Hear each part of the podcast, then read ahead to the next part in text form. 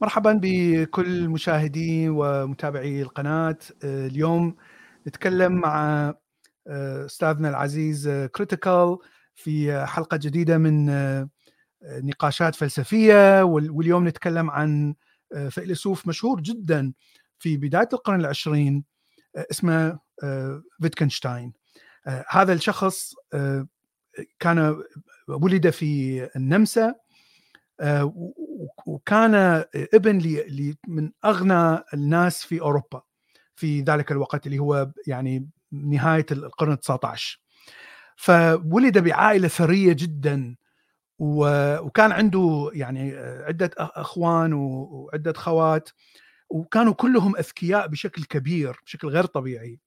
وهم من أصل يهودي أيضا. لكن حتى يتقربون للعائلة المالكة النمساوية يعني حولوا دينهم إلى الكاثوليك لأن ديانة النمسا هي الكاثوليك.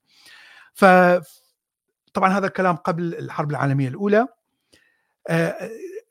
فيتكنشتاين يعني ما كان مهتم بالفلسفة في البداية كان مهتم فقط بالرياضيات والهندسة وكذا ولهذا درس في جامعة هندسة أعتقد ميكانيك أو شيء قبيل شيء شبيه من الميكانيك. و عندما خلال هذا الوقت طبعا لازم يتعلم رياضيات. وخلال هذا الوقت حاول يتعلم أكثر عن فلسفة الرياضيات أو منطق الرياضي. بعد ما تعلم الهندسة وتطبيق الرياضيات في الهندسة. وفي هذا الوقت قرأ كتاب لراسل الفيلسوف الإنجليزي المشهور أو البريطاني المشهور عن تطبيق أو شرح لمنطق الرياضيات. طبعا راسل كتب هذا الكتاب واشتغل عليه سنوات وحتى اشتغل مع فيلسوف آخر اسمه فريغا حتى يصلون إلى لغة رياضية تكون خالية من المتناقضات. لأنه يعني اكتشفوا أنه كثير من التعابير باللغة الإنسانية أو اللغة العاديه مليئة بالتناقضات. وطبعا أسهل تناقض هو تناقض الكاذب ما يسمى بال liar paradox وهذا التناقض مشهور من من وقت الإغريق. وحتى من وقت الإغريق يعني قالوا إنه ليس هناك حل لهذا التناقض. والتناقض هو شيء بسيط. الجملة تحتمل على تناقض سواء كانت صح أو خطأ. فمثل مثل ما نقول أنا كذاب فإذا كانت كلمة أنا كذاب هي صحيحة فإذا يجب أن يكون هذا الشخص كذاب وهذا تناقض. وإذا كان هذه الكلمة خطأ فإذا هذا الشخص صادق لكنه كذاب. فدائما تدور في حلقة مفرغة. وهذا التناقض موجود وحتى تناقض بسيط وليس معقد باللغة. وهناك يعني كثير من من التناقضات اللي تدخل في ما يسمى ب infinite loop يعني دوائر لا نهائية. فرسل اشتغل ويا فريغا حتى يعني يستخلص فقط نظام رياضي بشكل رياضيات ويطبقه على اللغة. وبهاي الطريقة يتخلص من كل التناقضات. لكن راسل اكتشف تناقض يشبه كثير تناقض الأنا كذاب البارادوكس. وفي الرياضيات بنظرية الست نظرية المجموعة. ونشر هاي الفكرة يعني حتى بعث رسالة لفريغا قال قال له انه هناك تناقض بنظرية الست المجموعة الرياضية بحتة رياضية بحتة ليس فيها أي نوع من اللغة لكنها تنتج عنه تناقض مثل تناقض اللغة. فرسل نشر الكتاب ومعه هذه الفكرة أن هناك تناقض ومن الصعب يعني إيجاد نظرية تفسر اللغة بشكل رياضي لا تحتمل أي تناقض. فيتكنشتاين قرأ هذا الكتاب وتأثر به بشكل كبير. وأعتقد كتب بحث بناء على هذا الكتاب وبناء طبعا على تفكيره باللغة وبعثوا إلى يعني أتصور باحث ألماني في جامعة ما أتذكر في جامعة ألمانية طبعا الشخص هذا أو الأستاذ بالجامعة قرأ البحث قال له هذا كلام كله خرط. إذا تريد فعلا تقرأ وتفهم فلسفة اللغة روح ادرس عند راسل. روح إلى آه، إنجلترا وادرس. وبعدين حتى حتى تستطيع أن تبني يعني أفكار أفضل. ففيتكنشتاين فعلا آه، قبل هذا الاقتراح وراح وبدأ يدرس عند راسل. ويعني بعد فترة بعد أشهر آه، يعني بدأ يحاور راسل ويناقش أفكاره وكذا بحيث راسل يعني صار معجب جدا بهذا الشخص يعني اعتبره أحد العباقرة. خلال هاي الفترة إحنا نتكلم قريب الحرب العالمية الأولى آه، صارت الحرب العالمية الأولى طبعا لأن فيتكنشتاين هو نمساوي عاد إلى النمسا واشترك في الجيش الإمبراطورية النمساوية ضد طبعا إنجلترا وفرنسا شو اسمه الحلفاء. و خلال هاي الفترة آه، آه، كتب كتاب اسمه Tractatus Logicus Philosophicus اللي هو حاول فيه ينقد اللغة بشكل عام ويضع نظام منطقي فلسفي يشرح فيه اللغة ويضع حدود للغة ويضع يعني متى يصبح هناك تناقض في اللغة، متى يصبح هناك مشكلة في اللغة وهاي الأفكار كان متأثر طبعا كثير براسل وفريجا اللي هم طبعا اشتغلوا بفلسفة اللغة قبله.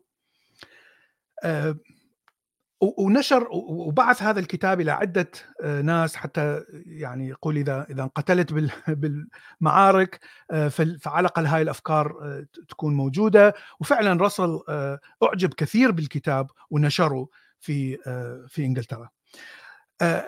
بعد نشر هذا الكتاب فيتكنشتاين اعتبر أنه الفلسفة خط مسدود ويعني خلاص لا يوجد لا يوجد أي أفكار أخرى ممكن أن أن يضيفها. وأثر بشكل كبير على المدارس الفلسفية في أوروبا. بحيث هناك مدرسة تسمى بال positive logic positivism المنطقية الإيجابية في النمسا يعني أخذوا أفكاره كأساس لهذه المدرسة الفلسفية. يعني صارت مدرسة فلسفية كاملة فقط بناء على هذه الأفكار. بعد سنين عديدة في الثلاثينات نهاية الثلاثينات رجع فيتكنشتاين إلى الفلسفة وراح أتصور في كامبريدج وقام يدرس هناك ويعطي محاضرات وكذا في وقت الأربعينات وبدأ يغير من من من الآراء اللي كتبها في هذا الكتاب Tractatus بحيث آه، هناك أفكار يعني ال core أو الأساس الأفكار الموجودة في Tractatus آه، بدأت تتغير وكان يعني يكتب هذه الأفكار في ملاحظات كثيرة وحتى يقولها آه، بمحاضراته في كامبريدج ف يعني مجموعة القليله اللي كانت حوله كانت تعرف هذه الأفكار اللي مخالفة لأفكاره القديمة. لكنه وضع كل هذه الأفكار في يعني مثل آه، كتاب أو كتيب و أيضا آه، يعني حاول أن ينشره لكنه لم يقتنع يعني بشكل كامل بالكتاب أو يعني بكل الأفكار فتوفي قبل أن أن ينشر. فبعد ما مات آه، نشر هذا من من من أصدقائه وهذا كان يسمى ب Philosophical Investigation آه، يعني مباحثات فلسفية أو أو نقد أو فكر وبحث في في الفلسفة. وهذا الكتاب أيضا أثار آه، ضجة كبيرة وأثر بشكل كبير على الفلسفة إلى ثمانينات القرن الماضي. آه، وهذا الكتاب انشر بال 52 بعد ما مات. لكن بقى تأثيره تقريبا 40 سنة. آه، تأثير أساسي يعني كل إنسان يدرس فلسفة اللغة يجب أن يدرس فيتكنشتاين وفلسفته. فاذا يعني يعني هو فيلسوف مهم جدا وهناك تشوف كل كل شخص تكلم عن اللغة ومشاكل اللغة مثلا مشاكل لغة الإنسان يجب أن يذكر آه، أفكار فريغا راسل وفيتكنشتاين. يعني يجب أن يذكر هؤلاء الثلاث. لا يمكن أن تتكلم أو تدرس فلسفة لغة بدون ما تمر على هؤلاء. وأكبر أقوى تأثير لهؤلاء الثلاث هو فيتكنشتاين. طيب ما أعرف إذا تحب تضيف شيء آه، أستاذنا؟ مرحبا أستاذ بلال أرحب بك وبكل الأصدقاء المتابعين. آه طبعا يعني آه أنت اخترت شخصية بصراحة يعني آه في البداية شلون صوتي زين؟ صوتك ممتاز. نعم. أوكي كويس. آه يعني آه الشخصية هذه شخصية فيتكنشتاين. آه غريبة وفلسفتها غريبة و وأني من زمان يعني كنت آه، يعني حبيت حتى حكيت مع بعض الأصدقاء يعني مثل الاستاذ شادي خلوف يعني على أساس إنه نسوي حلقة عن فيتكنشتاين لكن كنت متردد بصراحة يعني. أنا لحد الآن لحد هذه اللحظة متردد على فكرة. يمكن راح تلاحظ علي إنه يعني شوية مرتبك لأنه لأن الشخصية هذه تثير الارتباك بصراحة. يعني شخصية غير طبيعية آه، فكر غير طبيعي آه إلى درجة يعني حتى قصة حياة هذا الرجل غير طبيعية. نعم. آه إلى درجة إنك تشك إنه هذا الإنسان فعلا موجود. نعم. إحدى الأشياء اللي مثلا اللي تميز شخصيته أنا ذكرت إنه هو ولد لأغنى شخص في أوروبا.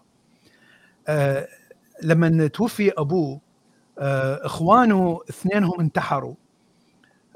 يعني كانوا أذكى منه حتى هو باعترافه كانوا أذكى منه بكثير لكنهم لأسباب يعني انتحروا فقرر إنه يعطي أو يهب ثروته آه، لفنانين وكذا وأعمال خيرية وإلى آخره ويتخلص من هذه الثروة. قسم يقولون تأثر بتولستوي قصة تولستوي إنه أيضا فعل نفس الشيء. لكن آه، يعني آه، شيء غريب. يعني هذا الإنسان مثلا هو ليس مثالي إلى حد مثل تولستوي. يعني تشوف تقرأ أفكار. تولستوي مثالية بشكل كبير. نفس نفس الوقت يعني وزع أمواله كلها بحيث أصبح مفلس. وبحيث اضطر أن يعمل مدرس في إعدادية يعني في مكان بسيط جدا وبراتب ضئيل جدا حتى يعني حتى يأكل. ففعلا في في كثير من الحوادث الغريبة في حياته. هو فعلا يعني غريب جدا وهو هو هو تألم إنه يعني فكره غريب وشخصيته غريبة. يعني لذلك كان يعاني من العزلة. كان عنده أصدقاء جدا قليلين. وهو يعني حتى هو خلاص في الأخير استسلم للعزلة. قال أنا يعني حتى راح عاش في في أبعد مكان في النرويج. قال أنا أريد بيت في أبعد مكان أبعد منطقة في النرويج. جيبوا لي آه، لو أكو بيت هناك أنا اشتري لقى له كوخ صغير لقوا له في مكان يعني حتى النرويجيين اللي عايشين في آخر النرويج لما يشوفون هذا عايش هناك يقولون هذا مخبل هذا شو شو موديه هناك؟ هذا يعني لو هجم عليه دوب هجم عليه يعني أي شيء نعم. أو أو مرض ما حد يقدر أصلا يوصل له ولا يسعى نعم. نعم نعم نعم. لكن نعم. بالرغم من هذا يعني يريد يفضل العزلة يريد يبعد أي نوع من ال distraction. طبعا هذا الكلام لما هو قرر إنه يخلص كتابه ال Tractatus. طبعا Tractatus هي يعني كلمة يونانية أصلا اسمها يعني معناها بحث يعني بحث منطقي فلسفي يعني واللي عرفته إنه أنه tract أنه سبينوزا استعمل كلمة Tractatus أيضا في أحد كتبه كعنوان لأحد كتبه. احتمال أكيد أكيد يعني يعني اللي فهمته أنه فيتكنشتاين يعني أخذها من من من عنوان إحدى كتب آه، سبينوزا. طيب. ممكن يعني طيب. هم الفلاسفة يحبوا المصطلحات اليونانية يعني. إيه يعني نعم تعطي غموض ونعم نعم. طيب. خلينا نبدأ حتى حتى نفهم فلسفة فيتكنشتاين. يعني لازم شوية ناخذ شرح بسيط لفلسفة فريغا والشيء اللي أخذه من راسل. يعني هذه هي مشكلة آه، آه، فلسفة فيتكنشتاين. إذا تقراها بس وحده هو راح تضيع. لأنه كثير يستعمل كثير من المفردات اللي اللي كانت موجودة بالفلسفة اللي قبله. ويفترض أنه أنت فاهم كل هالمصطلحات يعني ما يشرح لك شنو هي المصطلحات هاي اللي اللي اعتمد عليها. فمن الصعب قراءة يعني كتب ال Tractatus وكتب الكتاب الآخر بدون ما ما actually يعني لازم تقرأ فريجا ولازم تقرأ راسل ولازم تقرأ ما هي فلسفة اللغة وما هي تطبيق الرياضيات على اللغة يعني كل هذا يجب أن تكون ملم به بعدين ممكن تبدأ تبدأ بفهم كتب فيتكنشتاين. طيب اللغة قبل فريجا. فريجا هو يعني آه، بدأ ينشر البحوث تقريبا نهاية القرن التاسع عشر. قبل قبل فريجا اتصور هناك يعني أكو شوية كم فيلسوف ويا فريجا في نفس الوقت. آه، لكن قبلهم البحوث عن اللغة كانت تركز على الكلمات. آه، أكثر مما هي تركز على الجملة بأكملها. ف وأعتقد أن هذا هذا جانا من أفلاطون من فكرة أن كل كلمة موجودة في اللغة الإنسانية تعبر عن آه، فكرة مطلقة موجودة في الطبيعة آه، والكلمة الموجودة في اللغة هي تقريب لهذه الفكرة المطلقة سواء كانت آه، وكل شيء في الطبيعة له فكرة مطلقة أيضا موجودة في الخارج. فكلمة كرسي إحنا نطلقها على الشيء الذي يعني يكون هو كرسي مادة كرسي. لكن فكرة كرسي كفكرة مطلقة هي موجودة موجودة في الميتافيزيقيا موجودة في العالم الذي لا يمكن أن نصل إليه. فهذا الربط ما بين الكلمة في اللغة وما بين فكرة هذه الكلمة الفكرة المطلقة لهذه الكلمة. يعني هذا هذا المبدأ استمر لفترة طويلة جدا يعني إلى القرن التاسع عشر. ويعني كل الفلاسفة اللي حاولوا يشتغلون على اللغة كانوا يعتمدون على هذا المبدأ بشكل عام طبعا. فريغا غير هذا الفكرة بحيث اعتبر الجملة هي الأساس وليست الكلمة. يعني الكلمة قد يكون لها معنى معين وقد يكون لها يعني مستقل بذاته لكن الكلمة وحدها لا تعطي أي معنى. إذا أنت قلت لشخص معين كرسي ما راح يفهم أي شيء يعني شنو كرسي. يعني كمل. فإذا المعنى الكلي لأي كلام أي جملة لغوية أو لأي أي فائدة للغة يجب أن يكون من خلال جملة وليست كلمة. هاي أول شيء. الشيء الثاني أن الجملة أيضا تعطي معنى وليس فقط الكلمة. يعني آه، الجملة تتكون من كلمات. كل كلمة بها معنى لكن هناك معنى مجموع معنى للجملة هو مجموع معاني الكلمات. وهذا المعنى يكون مختلف عن معنى الجملة الواحدة. وهذه هي الفكرة المهمة اللي يعني اللي آه، آه، جاء بها فريغا. الشيء الآخر يقول أن كل كلمة أو جملة لها معنى أو الطريقة التي آه، يطرح بها آه، حسب الطريقة التي تطرح بها ولها صلة أو رفرنس بالعالم الخارجي. ف آه، والجملة صلة الجملة بالعالم الخارجي هي فعليا جمع كل الصلات للكلمات المكونة لهذه الجملة. والجملة بشكل عام إحنا قلنا تقدم معنى لكن هو سماه باقتراح proposition وهذا كلمه الاقتراح هو اللي يعتمد عليها بشكل أساسي آه، راسل وفيتكنشتاين من بعده. وأعتقد إنه يعتمد عليها كل فلسفة اللغة إلى حد الآن. والجملة ممكن أن تكون خطأ أو صحيحة آه، لكن اشتراط أن كل الأسماء أو كل الكلمات يكون لها صلة بالواقع. إذا كان هناك كلمة ليس لها صلة بالواقع فاذا من المستحيل أن نعرف أن هذه الجملة هي صحيحة أو خطأ. راح ننطي آه، أمثلة بسيطة يعني على حتى شوية نشرح هذا الكلام. فمثلا المثال اللي منتشر هو آه، ثلاث جمل تحكي عن نجمة الصباح اول جملة نجمة الجملة الثانية نجمة المساء مشرقة والجملة الثالثة نجمة كوكب الزهرة مشرقة. نجمة الصباح ونجمة المساء هي فعلا كوكب الزهرة. لكن اللي يعني عندما كانت هذه الجمل تتناقل قبل 2000 سنة آه، طبعا الإنسان لم يكن يعرف أن ال morning star النجم اللي يبين مع شروق الشمس هو فعلا كوكب الزهرة والنجم أيضا الذي يبين مع غروب الشمس أيضا هو كوكب الزهرة. ففريغا يقول أن كلمة نجمة الصباح وكلمة نجمة المساء وكلمة نجمة كوكب الزهرة كلها صلة صلتها هي فعليا كوكب الزهرة في العالم الواقعي المادي. فاذا كل هذه الجمل تعطي نفس المعنى. مع أن مع أن كل كلمة مختلفة عن الكلمة الأخرى لكن لأن لها نفس الصلات فاذا هي كلها تعطي نفس المعنى. ويمكن التحقق من صحة أو خطأ هذا الاقتراح. إذا قلت أن نجمة الصباح هي مثلا آه، شمس هاي تعتبر آه، جملة خاطئة لأن نجمه الصباح هي كوكب وليست شمس وكلمة كوكب وشمس لها أيضا صلة بالواقع، نحن نعرف في الواقع ما هو الشمس، ما هي الشمس وما هو الكوكب. المشكلة في فلسفة فريغا أن إذا كان هناك أخطاء متضمنة في الجملة آه نرجع إلى إلى التناقض اللغوي اللي ذكرناه أنا كذاب التناقض الكذاب فهنا مثلا جملة تقول ملك أمريكا أصلع آه إذا أخذنا فلسفة فريغا آه، لا يوجد آه، آه، في الواقع لا يوجد ملك أمريكا، أمريكا لها president رئيس. فاذا فريغا يقول هذه الجملة لا يمكن أن نعرف هل هي خطأ أو صحيحة. وهذه ثغرة في فلسفة فريغا.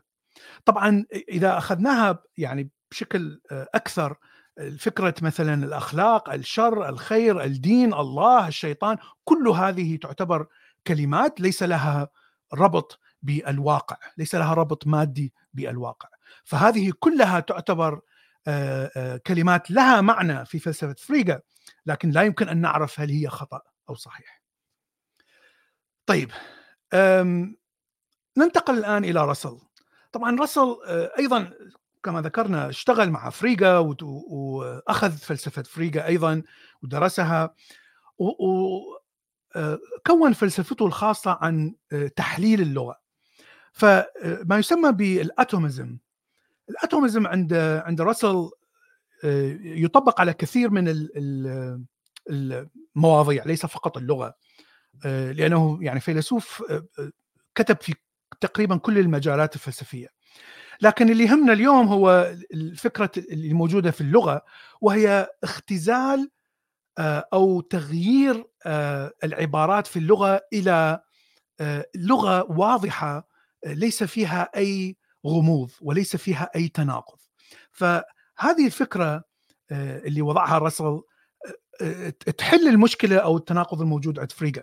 فيقول أن هناك تحليل أولي وتحليل ثانوي للجمل. التحليل الأولي أو أساسه هو إذا استخدمت ال التعريف فأنت فعليا تتكلم عن شيء واحد موجود في العالم الخارجي. شيء واحد فقط ولا شيء غير هذا الواحد. لكن إذا لم تستخدم التعريف فإذا تتكلم عن مجموعة أشياء وهذه الأشياء غير معرفة آه، آه، يعني شوية تكون آه، مبهمة لكنك تعرف مجموعتها ما هي هذه الأشياء. فيقول مثال مثلا الجملة المحدده وسماها الجملة المحددة هي اللي اللي يكون فيها شيء معرف غير محددة غير معرف. المحددة الحصان ركض من أمامي. فهو يحور آه، إذا هناك التعريف فيقول شيء مثل هذا الحصان ولا شيء غير هذا الحصان لأنه هناك شيء واحد فقط ركض من أمامي. هنا هذه الجملة تكون منطقية وليس فيها أي تناقض. آه، إذا كان إذا قلت حصان ركض من أمامي أنت لم تحدد أي حصان، اذا شيء مثل الحصان آه، أو مثل الحصان ركض من أمامي وهناك طبعا عندما تقول شيء مثل آه، معناته هو شيء من ست من مجموعة طيب إذا طبقنا هذا الكلام على جملة فريغا اللي هي ملك أمريكا أصلع فرسل يقول هناك تحليل ثانوي للجملة لأنك يجب أن تقول لا يوجد شيء مثل ملك أمريكا لأنه لا يوجد ملك أمريكا ولا شيء آخر مثل ملك أمريكا لأننا لم نحدد آه، كلمة ال وهو أيضا أصلع فاذا الجملة تقول هو أصلع لكن تقول في البداية لا يوجد شيء مثل ملك أمريكا فتكون منطقيا الجملة صحيحة. طبعا راح نشوف ويتكنشتاين يأخذ هذه الطريقة حتى يختزل الجملة الموجودة في اللغة العادية والتي طبعا تحتمل كثير من الأخطاء والتناقض والمشاكل ويحاول أن يعني يقلد راسل في في هذه الطريقة. طيب عندك ملاحظة شيء أستاذنا؟ لا لا كمل أستاذ بلال كمل وبعدين أنا يعني طيب ماشي إذا ننتقل الآن إلى فيتكنشتاين. الفكرة الأساسية في ال Tractatus هي ما هي اللغة. فهو يقول أن هناك شيء اسمه الواقع الخارجي وهو يتكون من حقائق وهذه الحقائق هي أشياء وجودية وتتفاعل فيما بينها وهي خارجة عن عن تفكيرنا خارجة عن كل شيء نشعر به أو نفكر به وإلى آخره. هذه حقائق موجودة في الخارج. اللغة هي فعليا محاولة لوصف هذا الواقع الخارجي. نحن نكون صورة للواقع الخارجي وهذه صورة موازية للواقع. فدائما في اللغة هناك جمل توازي ما موجود في الواقع. والجملة في اللغة العادية يعني لا يمكن أن نأخذها حرفيا لأنها كما ذكرنا وكما عرفنا مع راسل وفريغا اللغة فيها كثير من التناقضات والمشاكل. فإذا يجب أن يكون هناك اختزال إلى لغة أساسية أو جمل أو كلمات أساسية. طبعا هو لم يعرف ما هي هذه الأساسية ولا حتى لم يعطي آه، أمثلة. لكنه قال أن هذه هذه العبارات الأساسية هي التي تعطي المعنى الصحيح. فمثلا إذا أنت عندك حقيقة مثلا وجود بيت مثل تشوفوه على ال slide. فاذا عندما عندما أحاول أن أوصف هذا البيت أقول هذا بيت موجود في كذا بينو bricks أو هذه الحجارة تكون زرقاء وأوصف الباب وأوصف الشبابيك وإلى آخره. هذا هو الكلام أو الجمل موجودة من اللغة العادية. يجب أن تختزل إلى جمل أساسية. فمن الجملة الأساسية نحن نكون هذه الصورة داخل عقولنا. فيقول أن الصورة قد قد تكون صحيحة وقد تكون خاطئة لكن إذا إذا كانت يعني إذا كانت مطابقة للواقع فإذا هذه الصورة آه، تكون صحيحة. الشيء الآخر المهم أن إذا كانت الجملة لا تمثل حقيقة في الواقع مثل عندما نتكلم عن الأخلاق عن الله عن الشيطان عن الحق الخير كذا حتى والفلسفه مثلا. هذه المصطلحات لا تمثل أي شيء في الواقع. اذا آه، آه، لا نستطيع أن نعرف آه، هل هل هذه وكانت موجودة في جملة. لا نستطيع أن نعرف هل هذا الشيء صحيح أو هذه الجمله صحيحة أو خاطئة مثل فكرة فريغا. لكن أيضا اعتبرها هراء nonsense لأنها لأنه لا يوجد أي ربط بينها وبين الواقع. وهو يقول أن الجمله أن أن اللغة تطورت حتى تصف الواقع، يعني لم تتطور حتى تصف ميتافيزيقيا. الميتافيزيقيا أتت بعد أن أن تطورت اللغة، طبعا هاي في تفكيره هو في في المنطق اللي استعمله. فيقول لأن اللغة هي فقط صورة للواقع اذا الميتافيزيقيا أتت بعد اللغة بعد تطور اللغة ولهذا عندما نحاول أن نصف مثلا الله أو الشيطان أو الحق أو الخير الفلسفه لما نحاول أن نوصف هذه الأشياء آه، فراح نحمل الكلمات اللغة راح نحملها أكثر من من طاقتها وأكثر من معناها الحقيقي. فيقول من هنا آه، تظهر التناقضات الموجودة في الفلسفة والتناقضات موجودة في مثلا عندما نتكلم عن الحق والفضيلة وإلى آخره. يعني هنا هو يعني يقع على فكرة أعتقد يعني حتى وإن كانت خاطئة لكن فكرة جميلة جدا. لأن كل إنسان عندما مثلا يصير تناقش ما بين آه، مدرستين في الفلسفة عن وجود الله أو عدم وجود الله تشوف هذا يبني على منطق معين سليم ومقتنع به والآخر يبني على نفس نفس اللغة حتى نفس المفردات. لكن معاني هذه المفردات تحمل معاني مختلفة بحيث يخرج بالنتيجة اللي هو يريدها مثلا. ففعليا كلامه نوعا ما صحيح. لا يمكن أن نحدد من أي جملة تحتوي على هذه الكلمات الميتافيزيقية. لا يمكن أن نحدد هل هي فعلا خطأ أو صحيح نسبة إلى صحة الواقع الخارجي الذي نعيش فيه. الشيء الآخر المهم جدا فيقول لأن اللغة تطورت لتوصف الواقع فاللغة هي محدودة ولا نستطيع أن أن نصف غير الواقع. واذا لم تستطع أن أن تتكلم عن ميتافيزيقية فالأفضل لك أن لا تتكلم. حتى هذه عبارة قالها في نهاية الكتاب. فهنا يقول أن الفلسفة هو كلام فارغ أيضا بالنسبة لتفكيره. لأن الفلسفة هي أيضا يعني تنزل من نفس الأشياء التي التي تشير إلى ميتافيزيقيا وليست إلى أشياء موجودة في الواقع. وهنا يعني يدخل بتناقض كبير يعني هو يشرح يشرح فلسفة ويبني فلسفة ويبني نظرية ومن ثم النظرية نفسها تناقض نفسها يعني وتحطم نفسها بنفس الوقت. فهو يحاول أن يخرج من هذه الورطة في في في نهاية الكتاب. لكن حتى حتى شوية نشرح أكثر هذا الكلام. نشوف هنا مثلا كلمة الشر. فكلمة الشر هي فكرة مجردة طبعا غير موجودة في في الواقع. لكن تعطي معاني كثيرة. إحدى هذه المعاني اللي إحنا متفقين عليها هو قتل إنسان لإنسان آخر.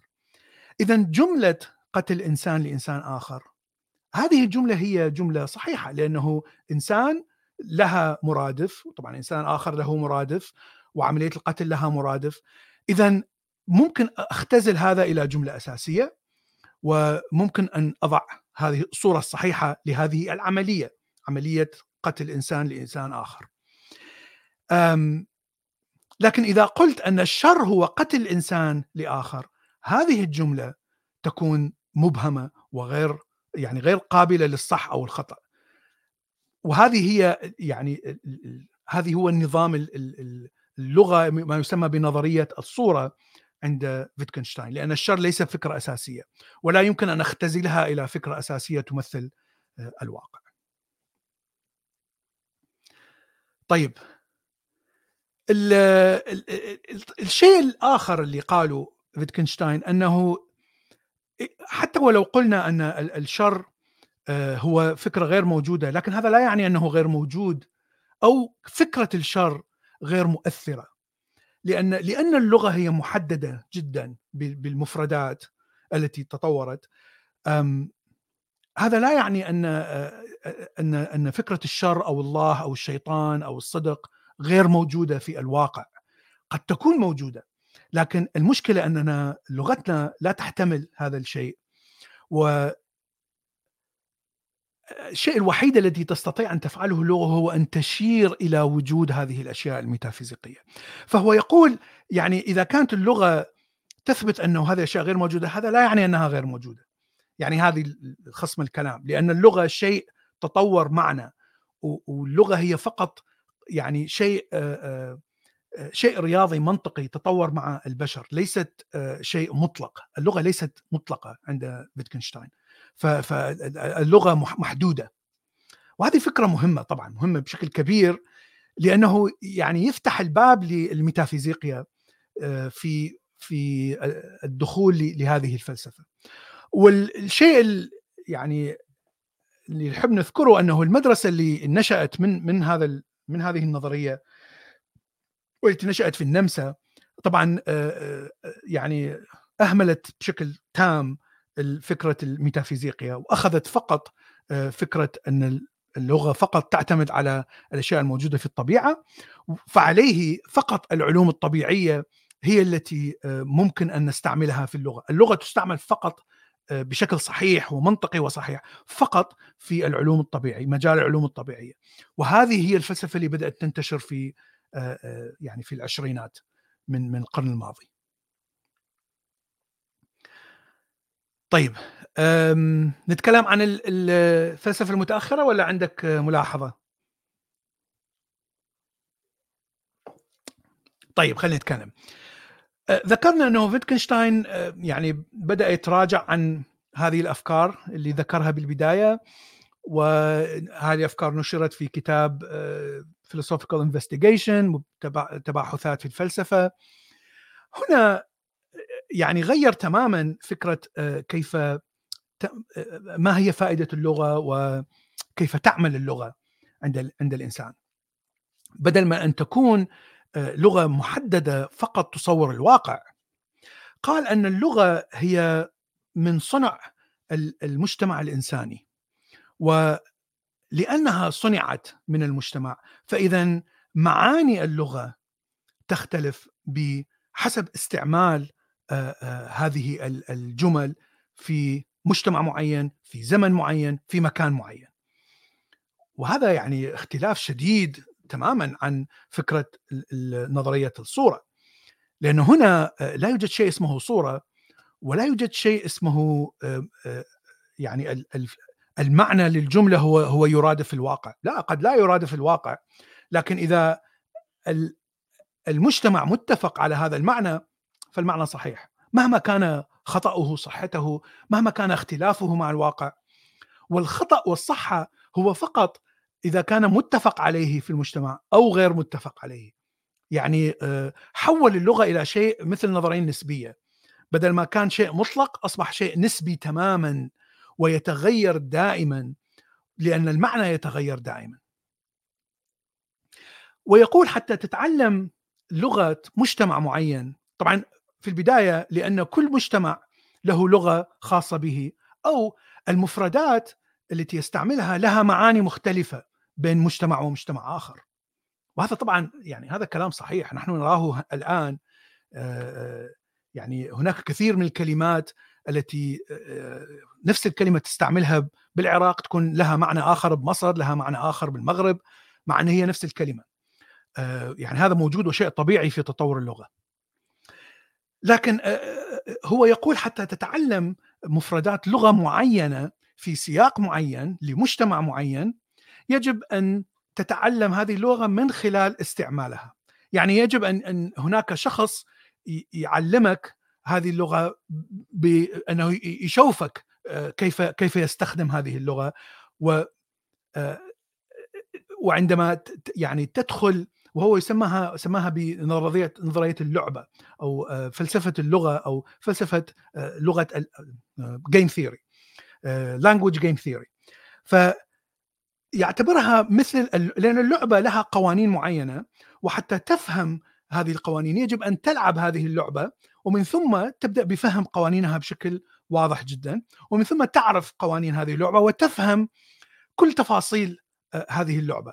ف مثلا هنا نفس المثال اللي أخذناه سابقا. حتى نعرف آه، شلون أوضح ما هو هذا البيت فيجب أن أعلمك لعبة لغة شكل البيوت في مجتمع مثلا غربي لأن هذا البيت شكله مثلا أوروبي. فاذا آه، لازم لازم أشرح لك أو أخليك تتعلم بطريقة لعبة بطريقة قوانين لعبة إلى أن نفهم معنى كل قطعة من مكونات هذه البيت بالأمثلة. يجب أن يكون هناك أمثلة. ويجب أن يكون هناك يعني تعاون فيما بينك وبين كثير من الناس حتى نتفق كلنا على معاني هذه الكلمات التي تمثل بشكل عام تمثل البيت. فهذه هي الطريقة اللي نتعلم بها آه، اللغة الآن حتى نتعلم كما ذكرنا يعني مثال آخر حتى نتعلم اللغة الدينية مثلا يجب ان أن نخوض نفس اللعبة آه، مع أفراد هذا المجتمع الديني. هو آه، هناك أمثلة مثلا الناس الذي يقولون معجزات الأنبياء مثلا صحيحة. فكرة معجزات الأنبياء في الأديان مثلا هي فكرة يعني غير واقعية لأنك لا تستطيع ان ترى هذه المعجزة في الواقع. لكن هدف الدين هو أنه يعلمك شيء بحكمة معينة أو يثبت آه، إيمانك ب آه، مثلا آه، بمعرفة معينة لكن الهدف هو ليس أنك تعرف أن هذا شيء حدث فعليا في الواقع ويعني الهدف هو ليس نقد هذه المعلومة حتى أكتشف أنها هل حدثت في الواقع أم لم تحدث. فلما أقول أن عيسى صلب وارتفع أو محمد ذهب إلى بالبراق إلى السماء الهدف هو ليس أنه أبحث عن هذا البراق الذي أخذ محمد إلى السماء لأنه أعرف أن هذا غير موجود في في الواقع لكن الهدف أنه أعرف أن محمد ذهب وتكلم مع الإله واستلم منه يعني كلام آه راقي والى آخره. هذا هو الهدف من المنظومة الدينية. فهو يقول عندما تستعمل اللغة بمنظومتها بلعبتها اللعبة التي بنيت عليها هذا هو الصحيح وهذا يعطيك معنى. وإذا أعطاك معنى فإذا هذا المعنى هو هو يكون هو الحقيقة هو هذا الصحيح. لكن إذا استخدمت اللغة في غير معناها طبعا بذلك السيستم فستعطي معاني خطأ. فيقول هذه هي المشكلة مثلا في في محاولة مناقشة الفلسفة أو محاولة تطبيق العلم على أفكار ميتافيزيقية أو تطبيق العلوم الطبيعية على الأفكار الميتافيزيقية فيقول راح تدخل بتناقض سريع. لأنك تأخذ معاني الجمل المستخدمة في الميتافيزيقيا وتحاول أن تطبقها بأسلوب أو بلعبة العلوم الطبيعية.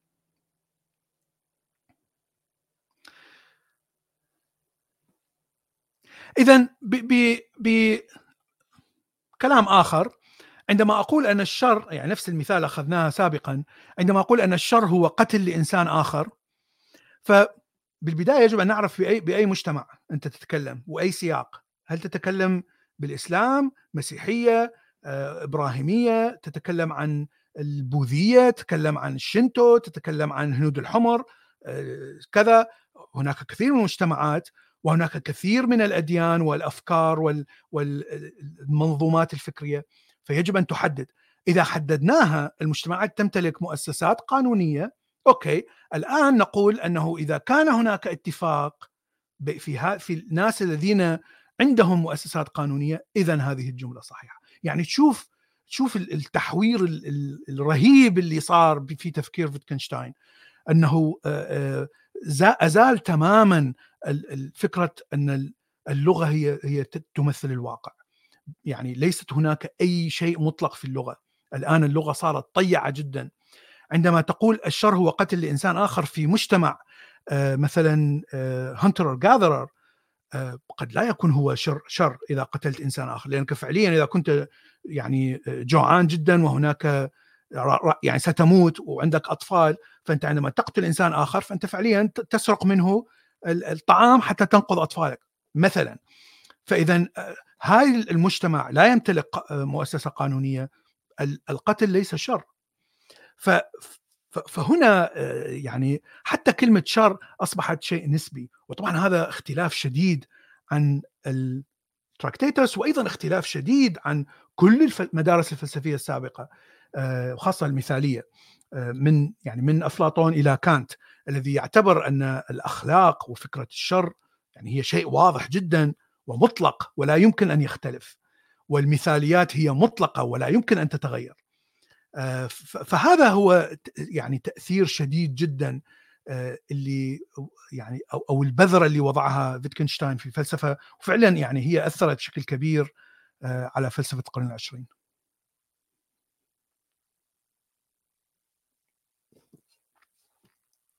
طيب تفضل أستاذنا.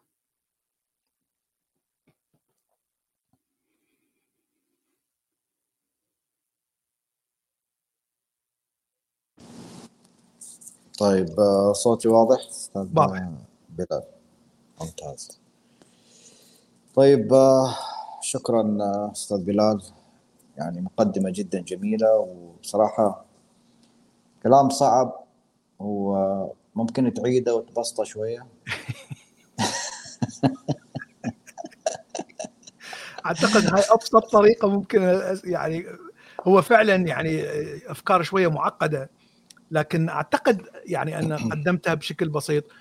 وطبعا المشكلة كل ما تبسط كل ما يعني تختزل كثير من التفاصيل. ف يعني من الصعب أن تقدم فلسفته بشكل يعني قوي آه، بدون ما تبسط. كل ما تبسط كل ما راح يعني راح تأخذ آه، أو تهمل عدة أفكار وهذا شيء ليس جيد. لكن هاي الطريقة الوحيده أنا اللي راح أسويه الآن إني راح يعني أعيد كلامك. نعم. تقريبا وأحاول أبسطه. نعم. أبسطه مو أبسطه يعني نعم. تختلف. طيب آه، اولا اولا يعني هو فعلا يعني بصراحة فلسفة فيتكنشتاين خصوصا كتاب ال Tractatus يعني صعب جدا. من أصعب الكتب التي يعني آه، ممكن قراءتها. لأن اولا الكتاب يعني كان غير منظم. كان يعني حتى أحد الفلاسفة يعني شبه إنه يعني هو أخذ المخطوطة بعد ما كتب الكتاب حطها بالجنطة مالته وهز الجنطة هيك وبعدين دزها للمطبعة يلا روح اطبعها لأنك أنت لما تقرأ يعني آه، تكون ماشي أنت بسلسلة معينة فجأة يعني يقفز إلى قصة أخرى واستنتاج آخر وهكذا.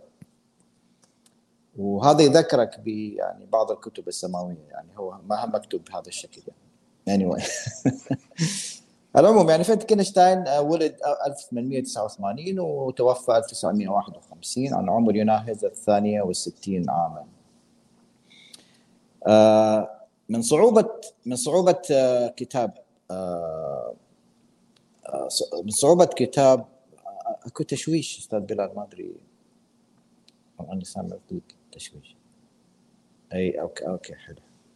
بس على العموم يعني إذا ردت يعني إنه يعني تقاطعني أو أو تناقشني بأي شيء يعني تفضل. من صعوبة كتاب فيتكنشتاين Tractatus إنه لما أرسل إلى برتراند راسل برتراند راسل دز له إياه قال له روح اطبع لي إياه يا برتراند يعني. هم أصدقاء يعني خلاص صاروا. يعني أنت تحكي عن برتراند راسل يعني عملاق من عمالقة الفلسفة والرياضيات.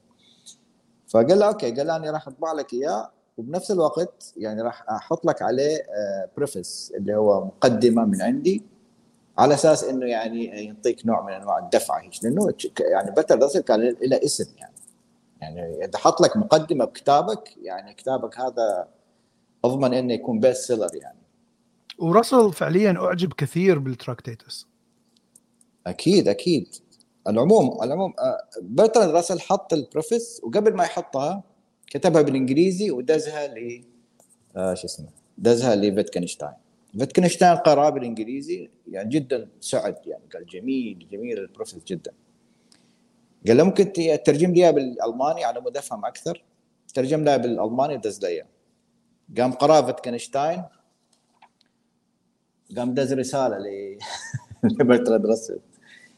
قال له والله شوف بصراحة يعني يعني أصدقك القول يعني أنا صديقك يعني إحنا أصدقاء يعني ما تزعل مني. قال له لما أنت ترجمت بالألماني واختفى رونق أو سحر جملك الإنجليزية لم يظل من المقدمة مالتك غير super super شو يسموه؟ superficial superficial وال misunderstanding قال له أنت ما فهمت كتابي أصلا. يا برتراند راسل أنت يعني هذه المقدمة مالتك تدل على إنك لا قريت كتابي ولا فهمته ولا يعني هذا برتراند راسل. فأنا أتخيل يعني وجه برتراند راسل يعني ما أدري إيش قال ذيك اللحظة يعني يعني هزأ برتراند راسل يعني للدرجه هذه إنه حتى برتراند راسل لم يستطع أن يفهم كتاب فيتكنشتاين لذلك يعني آه، مشكلة فيتكنشتاين كانت من الأساس هي التواصل يعني مو قادر يفهم يعني مو قادر يفهم الناس الأفكار مالته يعني. يعني حتى اللي فهموها حتى اللي يدعون إنهم فهموا فلسفة فيتكنشتاين يعني ممكن إنه لو ناقشوا ممكن يقول لهم أنتم بصراحة أغبياء يعني لا فهمتوني ولا فهمتوا شيء.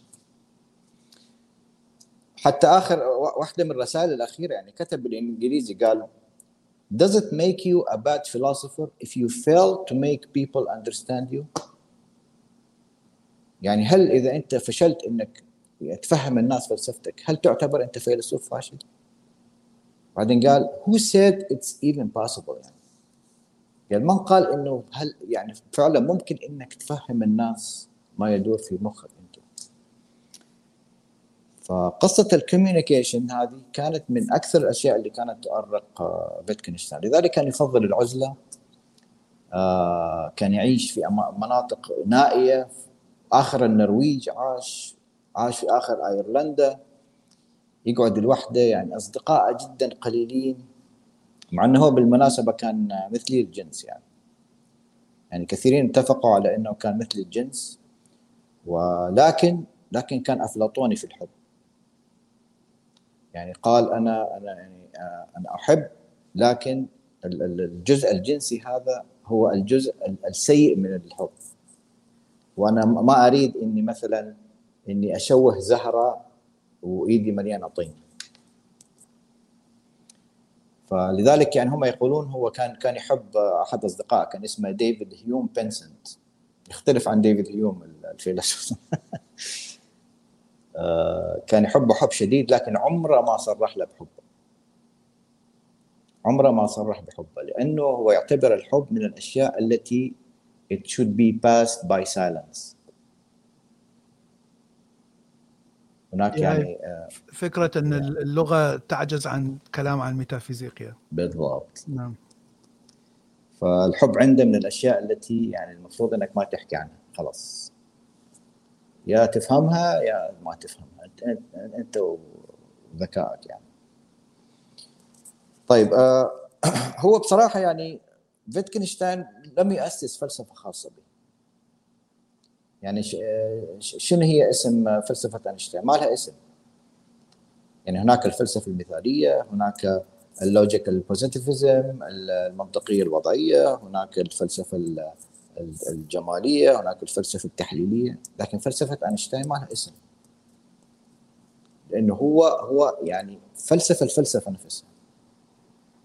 هي فلسفة اللغة فلسفة اللغة نفسها نعم. يعني ما نقدر نقول فلسفة اللغة لأن هي يعني هي هي هو اعتبر اللغة اللغة هي حدود الفهم العقل البشري. فاللغة هي حدود الفكر البشري أصلا. يعني ما تقدر يعني عندك فكرة خارج اللغة؟ ما. لذلك قال هو المنطق واللغة حدودهم مع بعض. حدود المنطق وحدود اللغة في نفس الحدود. المنطق لا يستطيع أن يخرج عن اللغة واللغة لا تستطيع أن تخرج عن المنطق. وإن حصل إنه خرجت عن المنطق تفقد المعنى مباشرة. طبعا يحصل يحصل التناقض والأشياء هذه. هو بصراحة يعني آه، أنا في رأيي إن إنه فلسفة فلسفة فيتكنشتاين امتداد لفلسفة أفلاطون. لأنه من من من بداية من أفلاطون أفلاطون هو أول واحد قسم العالم إلى قسمين. قسم نحن نراه ونرصده وقسم آخر لا نعرف عنه شيء. أفلاطون سماه عالم المثل وكل المفاهيم المجردة الموجودة في مخنا هي موجودة في هذا عالم المثل. الكرسي الشجرة الإنسان الحيوان الحصان المشنو كلها موجودة في عالم يسمى عالم المثل. وتبعه بعد ذلك طبعا يعني كثير من الفلاسفة يعني حتى إيمانويل كانت حتى هيجل حتى شوبنهاور. شوبنهاور سماه هنتر وولت اللي هو ما بعد العالم. إيمانويل كانت سماه عالم النومينا اللي هو عالم يعني آه العالم الذي لا نراه أو آه بحواسنا الخمس. عالم ال noumena. أما الذي نراه نرصده بحواسنا الخمسة هو عالم ال phenomena. هناك آه، تشابه هناك تشابه بين تفكير فيتكنشتاين وتفكير كانت. ف يعني يعني هاي نقطة سمعتها من من تحاليل. فيقول أن فيتكنشتاين كان يعتبر اللغة هي صورة للواقع أو آه، آه، يعني من اللغة نستطيع أن نكون صورة للواقع. كانت يقول من خلال تجاربنا نكون فكرة عن الواقع. فيعني بدل التجربة بالصورة يعني تشوف إنها حصلت على نفس المعادلة بين الاثنين. فمعروف أن فيتكنشتاين تأثر كثير بأفكار كانت. لكن فيتكنشتاين يعني فضل لم يعتبر وجود الميتافيزيقيا يعني شيء صحيح. قال ممكن أن يكون صحيح لكننا لا نعرف. يعني اللغة تشير إلى وجود ميتافيزيقيا. لكن آه، هذا لا يعني أنه موجود أو غير موجود. لكن من جهة أخرى كانت يقول لا الميتافيزيقيا موجودة. آه، الله موجود الحق الخير الجمال كذا هاي كلها موجودة. فهذا يعني هذا شوية فرق أساسي بينهم. ولهذا آه، أكو يعني هناك فلاسفة يعتبرونه مثالي مثل ما قلت امتداد للمثالية. وهناك فلاسفة يعتبرونه لا مادي امتداد للمادية أو الوجودية. لكن هو حاول أن يعني يلعب على الطرفين يعني حاول أن يجلس بالوسط. هاي هاي طبعا هو يعني هاي يعني تعتبر ثغرة تعتبر مشكلة يعني. وليست شيء جيد. هو اللي يقرأ يعني فلسفة فيتكنشتاين يعني آه، يعني استشف إنه إنه قسم العالم إلى إلى آه، إلى لغة وإلى معنى. يعني آه، كان يبحث عن المعنى يعني طول حياته كان يبحث ما هو المعنى يعني. ف كان يقول إنه طبعا بعد ما قرأ هو في الحرب العالمية الأولى يعني آه، دخل قرية روسية ولقى بيها مكتبة. دخل المكتبة قال ليش عندك كتب؟ قال له عندي كتاب واحد بس تولستوي الجاسبلز شرح فيها الأناجيل. قال له ما عندك غيره؟ قال له ما عندي غيره قال جيبها أخذ الكتاب هذا قرأ لتولستوي أعجب جدا بالكتاب هذا. بتكنشتاين. والكتاب هذا يعني آه، قلبه خلاه شوية متدين. طبعا اختلفوا في بعضهم قالوا لا خلاص أصبح متدين متدين يعني. في منهم قالوا لا يعني كان نص ونص يعني. كان عنده يسموها mysticism اللي هي مثل الصوفية يعني تعرف؟ فايش قال هو بعد ما قرأ آه كتاب آه تولستوي؟ قال العالم هذا عبارة عن العالم الذي نحن نعيش فيه وعن شيء آخر اسمه المعنى.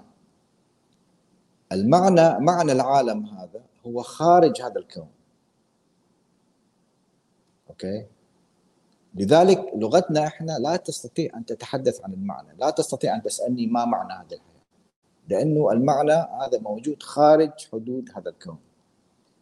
والمعنى هذا هو الله. هذه النتيجة اللي آه، خلص بها فيتكنشتاين من كتاب تولستوي. فهو عند المعنى هذا يعني شيء يجب أن, نسكت لأنه we have to pass it by silence. لأنه لا نستطيع الحديث عنه. ولغتنا البشرية غير مهيئه إنه تتحدث عن هذا الشيء الذي اسمه معنى نفس كلام إيمانويل كانت. إيمانويل كانت قالوا له أنت عالم النومنا اللي تدعيه هذا إنه ما حد يعرف عنه شيء ولا يمكن رصده ولا يمكن. احكي لنا عنه شوية يعني شنو هو هذا؟ قال لهم صراحة اللغة البشرية غير مهيئه إنه تتكلم عن عالم النومينال. هاي شوف هذا قسم من الفلاسفة الماديين قالوا هذه تناقض. في فلسفة كانت وفيتكنشتاين. يعني أنت تقول أن هناك عالم ميتافيزيقي لكن لا أستطيع ان أن أتكلم عنه. طيب إذا لا تستطيع أن تتكلم عنه شلون عرفت هو موجود؟ يعني عندما تقول شيء موجود يعني لازم يكون هناك خصائص يكون هناك يعني description يكون هناك يعني تفاصيل. لكن أنت تقول أنه ما موجودة التفاصيل غير ممكنة مستحيلة اللغة قاصرة لا تستطيع لا تستطيع لكن أعرف أنه موجود. هذا تناقض بالنسبة للفيلسوف الوجودي أو المادي هذا كلام خرط تناقض هذا تناقض واضح. وأنا أعتقد بنفس الشيء أنا أعتقد أن هذا كلام متناقض. يا إما تقول أن ما هو هذا العالم الميتافيزيقي بتفصيل حتى نفهم شنو هو هذا العالم؟ أو أو تقول أنه إذا كانت اللغة قاصرة اذا لا يوجد فائدة من الكلام بهذا الموضوع. وهذا الشيء الذي قاله فيتكنشتاين في تراكتيتس. يعني قال إذا كان العالم اللغة لا تشير إلى عالم مادي في الخارج فاذا هذا هو nonsense هذا هو خرط. آه، آه، وحتى بالكتاب يقول فإذا الفلسفة هي أيضا نونسنس الفلسفة هي أيضا خرط. لأنها لا تشير إلى أي شيء مادي في العالم الخارجي. لكنه يقول أنت أنت استعمل الفلسفة كسلم حتى توصلك إلى مثلا معرفة جيدة إلى عالم فكري أفضل إلى عال... إلى حياة أفضل مثلا. لكن بعد أن أن تصل إلى هذا انسى هذا السلم. ارميه صح. ارميه فاذا هذا أيضا تناقض لأنك فعليا عندما تقرأ كلام فيتكنشتاين الكلمات الفلسفية بها معنى وليست خالية من المعنى. آه، لأنه حتى الكلام الميتافيزيقي فيه معنى. هناك معنى عندما تتكلم عن الله أو الشيطان أو الخير أو الشر أو الكذا. ف يعني أعتقد أن الفلاسفه المثاليين لم يتوفقوا في في يعني في توصيل هذه الفكرة. يعني دائما هناك تناقض. وهذا اعتقاد شخصي طبعا. هو هو يعني في الأخير يعني آه، خلص يعني. هو طبعا في mysticism شوية في في صوفية فيتكنشتاين عنده صوفية صحيح. نعم. لم لم يخلو من الصوفية يعني. نعم. لكن من اللي أخذ منه الكلام هذا الزبدة يعني؟ آه، طبعا يعني هو كتابة بصراحة يعني كان عبارة عن 80 صفحة تراكتيتس مو أكثر. إيه كتاب قصير نعم مركز. مجرد 80 صفحة. لكن من ال 80 صفحة هذه انبثقت أكثر من أربع مدارس فلسفية في القرن العشرين. انبثقت المدرسة اللي اسمها ال verificationism وانبثقت الوضعية المنطقية ال logical positivism وانبثقت الفلسفة التحليلية ال analytic آه، وانبثقت ال linguistic philosophy أيضا. والمدرسة الأمريكية في المنطق الرياضي وأخيرا the school of aesthetics كل هذه انبثقت من كتاب جميل. جميل. 80 صفحة يعني. هناك شوف آه هناك شيء مهم. حتى وإن كانت فلسفة آه آه كانت مثلا فيها ثغرات لكن الطريقة طرح الأفكار وطريقة محاولة جمع ما بين الفلسفة التجريبية لهيوم ولوك وما بين الفلسفة المثالية. يعني هذا الشيء يخلي الإنسان يفكر عندما يقرأ كلام كانت. ف وجود ثغرات ليس مهم بأهمية أن هذا الكتاب مثل ما قلت آه، آه، يعني خلى الناس تفكر ونشأت منه مدارس. فأعتقد أن هذا هي أهمية يعني وجود الثغرات هو شيء طبيعي، كل إنسان لازم يكون عنده ثغرة، كل فكرة منظومة بشرية لازم يكون فيها ثغرات، ليست هناك أكيد أكيد. فكرة بشرية مثالية، فهذا الشيء الجميل. في في فيتكنشتاين حتى اللي واحد اللي اللي طبع كتابه طبعا هو كان كاتب بالألماني فيريد يطبع بالإنجليزي فسأله قال له الكلمة هذه أنت اللي كتبتها بالتراكتيتس هذه بالألماني شنو معناها بالإنجليزي؟ قام شاف الكلمة هيك قال له قال له والله صدق أنا ماني متذكر حتى يعني الكلمة هذه يعني شلون حطيتها يعني؟ شنو هالغباء هذا؟ مستغرب إنه حتى من من أفكاره هو يعني في الأخير استغرب يعني, يعني شلون شيء مو مو منطقي يعني. العموم يعني اللي تأثرت أكثر شيء بكلام فيتكنشتاين هي دائرة فيينا. دائرة فيينا هذه يعني عبارة عن مجمع علمي مرعب مرعب بكل معنى الكلمة. يعني تسمع الأسماء اللي كانوا فيها. يعني اينشتاين برتراند راسل آه، كواين كارل بوبر آه، كارناب ما أدري منو يعني أشياء أسماء هيش تخوف مرعبة يعني عارف؟ هذول كلهم يسموهم دائرة فيينا. الكلام هذا قبل الحرب العالمية الأولى. هؤلاء اعتمدوا التراكتيتس ابو 80 صفحة كأساس لفلسفتهم اللي هي المنطقية الوضعية. باللغة. إي يعني, نعم. يعني نعم. هم اتخذوا اتخذوا الفلسفة المنطقية الوضعية فلسفة للعلم نفسه للعلم نعم نعم نعم لأنه هم ما ما كان عاجبهم طبعا أينشتاين كان وياهم يعني ما كان عاجبهم انه انه إنه العلم يعني هيش طاير بالهواء ما إلى أساس منطقي يثبت على الأرض ما ما إلى يعني أساس فكري منطقي بحيث يثبت على الأرض و لذلك هم اخذوا أخذوا آه، خلاصة التراكتيتس وخصوصا آه، قصه قصة الجمل التي لها معنى والتي ليست لها معنى فهم إيش قالوا المنطقية الوضعية؟ قالوا آه أنت لما تقول لي جملة أوكي تكون عبارة عن مفهوم في ذهنك لكن إذا هذه الجملة إلها مصداق خارج الذهن هذه اذا جملة لها معنى. ما قسم الجملة إلى ثلاث أقسام. جملة صادقة جملة خاطئة جملة ليست لها معنى. حتى يعني إخواننا المصريين يقول لك أنت كلامك فارغ أنت كلام فارغ. يتهيألي المتاثرين بالمنطقية الوضعية. هو بالضبط ترجمة nonsense بالمصري في كلام فارغ. بالعراقي خرط. نعم. فارغ يعني فارغ من المعنى يعني. كلامك نعم. فارغ من المعنى نعم. nonsense نعم. فلما تقول لي لما تقول لي مثلا آه، أستاذ بلال وين أستاذ بلال؟ هذا قدامك. okay. جملتك صحيحة وإلها معنى. لكن لما تقول لي الحب طيب آه، هل الحب هذا له مصداق في الواقع؟ أقدر ألزمه؟ شيء مادي؟ لا اذا بصراحة جملتك ما لها معنى.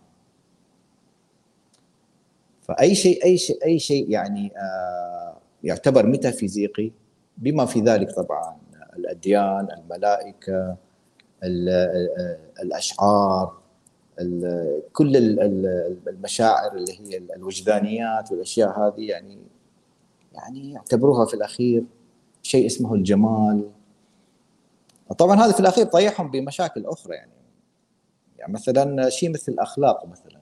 أنت ما تقدر تلزمه لكن ماذا تفعل في شيء اسمه الأخلاق يعني؟ لا تستطيع أن تركن شيء اسمه الأخلاق فقط لأنه آه، ما تقدر تقول ان الأخلاق ليس لها معنى لأنه ليس لها مصداق في الخارج مصداق مادي. فالمهم يعني بدأت طبعا هذه الفلسفة إنه آه، فترة وطبعا بمساندة كل هذه الأسماء القوية ثم إلى منتصف أو بعد منتصف القرن العشرين يعني نوعا ما بدأت يعني تهتز ويعني يقال إنها سقطت الفلسفة هذه بسبب ميكانيك الكم لأنه ميكانيك الكم ضرب منطق أرسطو في الصميم يعني. يعني ما تقول لي ماكو تناقض هناك تناقض في العالم. في العالم التحت الذري هناك تناقض بمعنى الكلمة. هناك الكترون يتواجد هنا وهنا في نفس الوقت هو نفس الإلكترون. أين مبدأ الهوية؟ أين التناقض؟ الإلكترون يدور 180 للدرجة هذه والدرجة الأخرى 360 360 بنفس الوقت. فالمعارف الجديدة هذه يعني اهتز المنطق الارسطي لما اهتز طبعا اللي اللي, اللي اسقط اللي أسقط الفلسفة المنطقية الوضعية واحد من فلاسفة المنطقية الوضعية اللي هو فان أورمان كواين.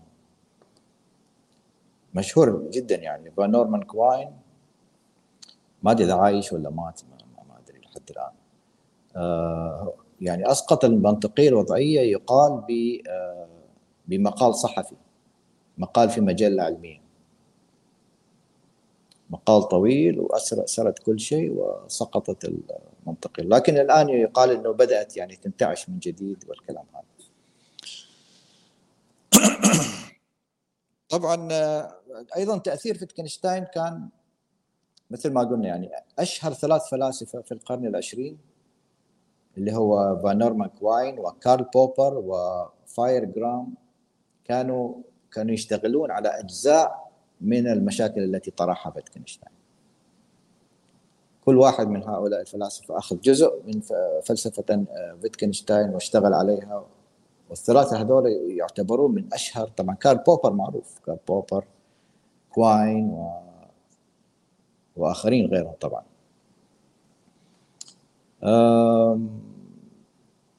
طبعا أنا كتبت بعدك يعني بعض بعض النقاط.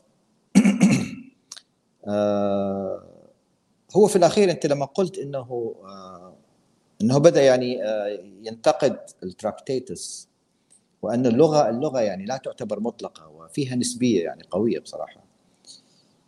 هو في الأخير يعني يعني انتبه إنه الموضوع عرف في الأخير.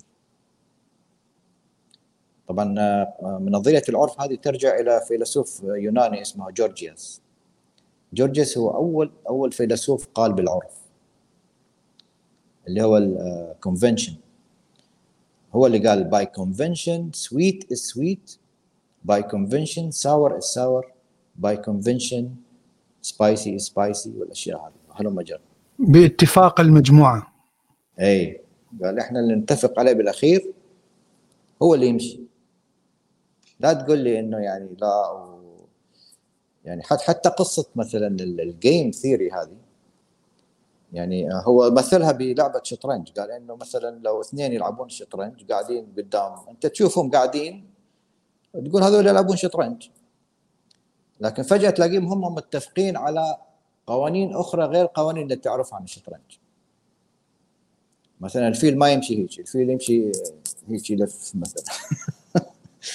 يعني مثلا تكون نص checkers نص chess فأنت لما تشوف هيك تقول لا هذا مش شطرنج. إحنا ما اتفقنا على الكلام هذا.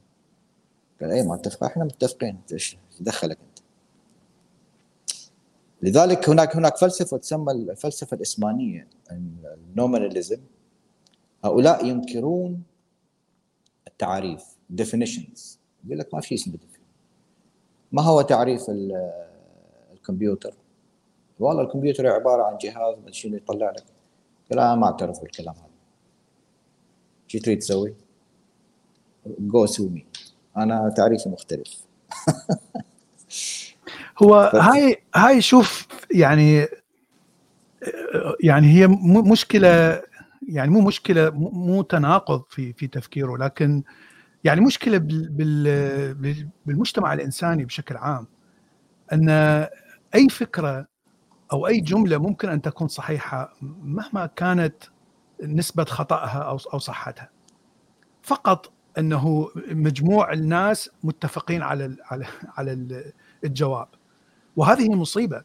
يعني لما لما تقول أن يعني سبب عدم هطول الأمطار هو وجود ساحرات فخلينا نحرقهم هذه الفكرة موجودة كانت موجودة في أوروبا لمدة ألف سنة لما سيطرت المسيحية. آه، نفس التخلف وش اسمه نشوفه الآن العلاج بالجن وعلاج بالكذا وبالأرواح وبالأدعية وبالكذا يعني هاي كلها خرافات. آه، لكن لأن المجتمع كله متفق أنه هذه هذا كلام صحيح. فإذا راح تبقى صحيح. و والتغيير يعني يجي بشكل بطيء جدا. لا يمكن أن يأتي بشكل سريع. لأن فكرة الصحة والخطأ تعتمد على اقتناع المجتمع ولا, ولا تعتمد على يعني التجارب العلمية مثلا طريقة المعرفة بالتجربة العلمية. فهذا يبين يعني مشكلة كبيرة في في تطور المجتمع البشري. هو فعلا يعني يعني حتى الأخلاق عندك مثلا الأخلاق بالأخير يعني آه، أشياء مثل الخير والشر يعني. كيف كيف أنت يعني يقول لك إحنا مجتمع متفقين على إنه قلع آه، عيون الأطفال هو خير. هذا عندنا تراديشن عندنا. ومن من أيام أجدادنا وإحنا بدنا نسويه. نعم. لازم واحد من أطفالنا نقلع واحد من عيونه نعم. يعني. نعم. يعني فكرة فكرة يعني؟ فكرة الطهور يعني ما تختلف بشكل كبير خاصة على النساء خاصة على النساء. يعني كأنما أنت تقلع عين عين طفل. ف ومع ذلك هي هي شيء يعني موافق عليه في عدة مجتمعات ليس الكل. وهذا يسري على العبودية على تسري على كل شيء. نعم. اي نعم. اي بالضبط. نعم. فلذلك يعني هو هو فيتكنشتاين يعني آه، راد يحل مشكلة الفلسفة. يعني آه، يعني قال إن إنه إنه اللغة مالتنا يعني إحنا آه، أي شيء إذا إذا تحدثت عن شيء ليس له مصداق فعلا في الع... في الواقع يعني إحنا لما نحكي آه، الجملة مالتي تكون عبارة عن صورة تصور لك الواقع. نعم هذا ال Tractatus هذا الكلام البداية. نعم. بالضبط. اللي هو ال picture theory of language نعم. فيقول إحنا كلامنا عبارة عن صورة أو لوحة نرسمها والمفروض اللوحة هذه بالضبط يعني resembles الواقع ال reality اللي أنا دا احكي عنه إذا ما if it doesn't اذا اني كلامي خاطئ. نعم. إذا تكون الصورة هذه أرسم لك إياها شيء مو موجود أصلا في الواقع فاذا ليس له معنى. هو هو كلامه قوي بصراحة يعني. يعني يعني إذا أنا وياك يعني أي حديث الآن أستاذ بلال إذا أحكي وياك ممكن حديثي هذا يؤدي إلى تسلسل لا نهائي أنا وأنت. يعني مثلا اذا سألتك ما هو تعريفك للحب؟ ما هو الحب مثلا؟ عندك تعريف للحب؟ يعني مثل مثل ما ذكرت سابق أنه لأن الحب هو ليس له وجود في الواقع المادي لا لا أنا أريد ألعب وياك اللعبه هذه الآن. آه أوكي مثلا انطيني نعم. انطيني أنطيني تعريف للحب مثلا ما هو الحب؟ الحب هو يعني تطابق تطابق صفات معينة تعلمتها خلال حياتك عن الشخص اللي اللي تحبه مثلا فهناك صفات معينة هناك شكل معين تطور معك من الطفولة إلى المراهقة. أنت تكون هذه الصفات عندك. آه، مو بالضرورة راح تكون صورة للشخص لكن تكون عندك موديل لهذا الشخص. ف... طيب ما, ما هو التل... يعني أنطيني تعريف مختصر هيك ومثلا جملة واحدة مثلا. يعني مثلا إذا أنت كنت تعجب بشخص يكون سمين مثلا. فصفة السمنة عندك شيء مرغوب. صفة إذا كنت مثلا مثلي طبعا يجب أن يكون نفس الجنس. فخلينا نقول غير مثلي طبعا إذا يجب أن تكون فتاة. يجب أن تكون بعمر معين. مثلا أنا يعني الحب هو هو انجذاب بين جنسين نعم. مختلفين مثلا خلينا مختلفين. نعم. طيب الآن أنت يعني اولا عرف لي ما هو انجذاب ما هو جنسين ما, هو ما معنى مختلفين. فالاختلاف هو الاختلاف العضوي الجنسي بتركيب الأعضاء الجنسية. هذا هو الاختلاف الجنسي. طيب طيب عرف لي ما هو العضوي وما هو الجنسي. فهذه المشكلة هذه المشكلة انه إنه أي نعم. حديث أي حديث ميتافيزيقي نعم. ممكن يؤدي إلى تسلسل يعني. كل ما تقول لي نعم. كلام أقول لك شنو شنو تعريفه؟ نعم. الحب هو هو شعور إنساني جميل. ما تعريف شعور ما تعريف إنساني ما تعريف جميل. وتبدأ تفصل. كل ما تفصل. أنا أسألك عن كل تفصيلة. فيؤدي هذا في الأخير إلى تسلسل. طبعا هذه معروفة بالفلسفة اسمها ال unmasking game unmask كل ما تعطيني كلمة فسر لي شنو الكلمة هذه شنو معناها. أنا معناها عندي مختلف مثلا. فبالأخير يعني شنو قالوا ال positivist هذول المنطقيين الوضعيين. قالوا خلاص يعني نحل المشكلة هذه. بدل ما نقعد نحكي وجدال وطاططة وعركة.